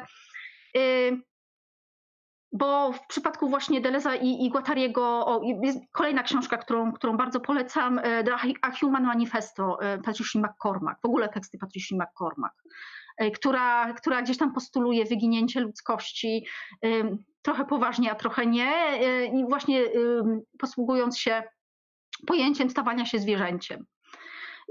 Więc, więc, więc polityka prozwierzęca jak najbardziej też no, więc, więc powiedziałabym, że jest to taka lewicowość jednak mimo wszystko marksistowska, ale to jest marksizm taki feministyczny, queerowy, anarchistyczny i antyautorytarny. I, I to się na to, na, to, na to przekłada dzisiaj. jeśli oczywiście odrzucimy akceleracjonistów, tam Nika Landa i e, to, e, no i też odrzucimy Harta i Negriego, którzy, którzy, którzy wprowadzili taką trochę jednak idealistyczną wizję pracy niematerialnej, która tam wszystko zmienia i, i którzy byli trochę delezjańscy, ale mam wrażenie, że nie dość delezjańscy i też nie dość marksistowscy. Jest też bardzo, bardzo fajna książka Nika Coberna właśnie o tym, dlaczego Deleuze i Guattari są bardziej marksistowscy niż Hart i Negri. I on też pokazuje właśnie fajnie, że to to, e, no, to Deleuze i Guattari tego ducha Marksa zachowali mimo, mimo różnic pojęciowych i,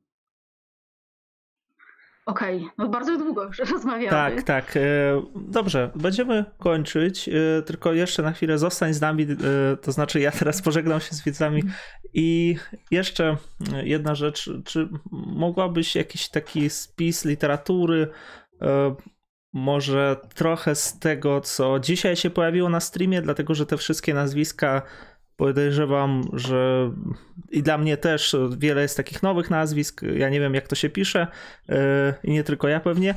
W każdym razie, no, ja dziękuję bardzo e, za, za to, że wzięłaś udział w tym wszystkim i spotykamy się chyba za tydzień, chyba że e, czy, czy za tydzień w sobotę może być? Tak pytam wstępnie, żeby też widzowie. Mhm. Dobrze. A Adamie, czy masz jakieś rzeczy do dodania? Nie, nie, bardzo, bardzo przyjemne spotkanie. Jestem zainspirowany. Mam nadzieję, że ca cały ten cykl czytania Antydypa pójdzie nam równie, równie przyjemnie. Tak. Ja też bardzo dziękuję za zaproszenie. Tak, i też jeszcze z takich komentarzy e, tutaj piszą, że chciałbym poinformować, że pani Joanna bardzo fajnie i kompleksowo opowiada. Tam wcześniej też takie bardzo podobne opinie pojawiały się, e, że można e, tutaj, że można pani słuchać eonami. Tak. Dobrze, to ja dziękuję. Ja też dziękuję i do widzenia do jutra. Jutro będziemy z Michałem i Dasiakiem omawiać e, taki bardzo znany tekst Egzystencjalizm jest humanizmem Sartra. Także zapraszam i do widzenia. Dziękuję, że byliście z nami.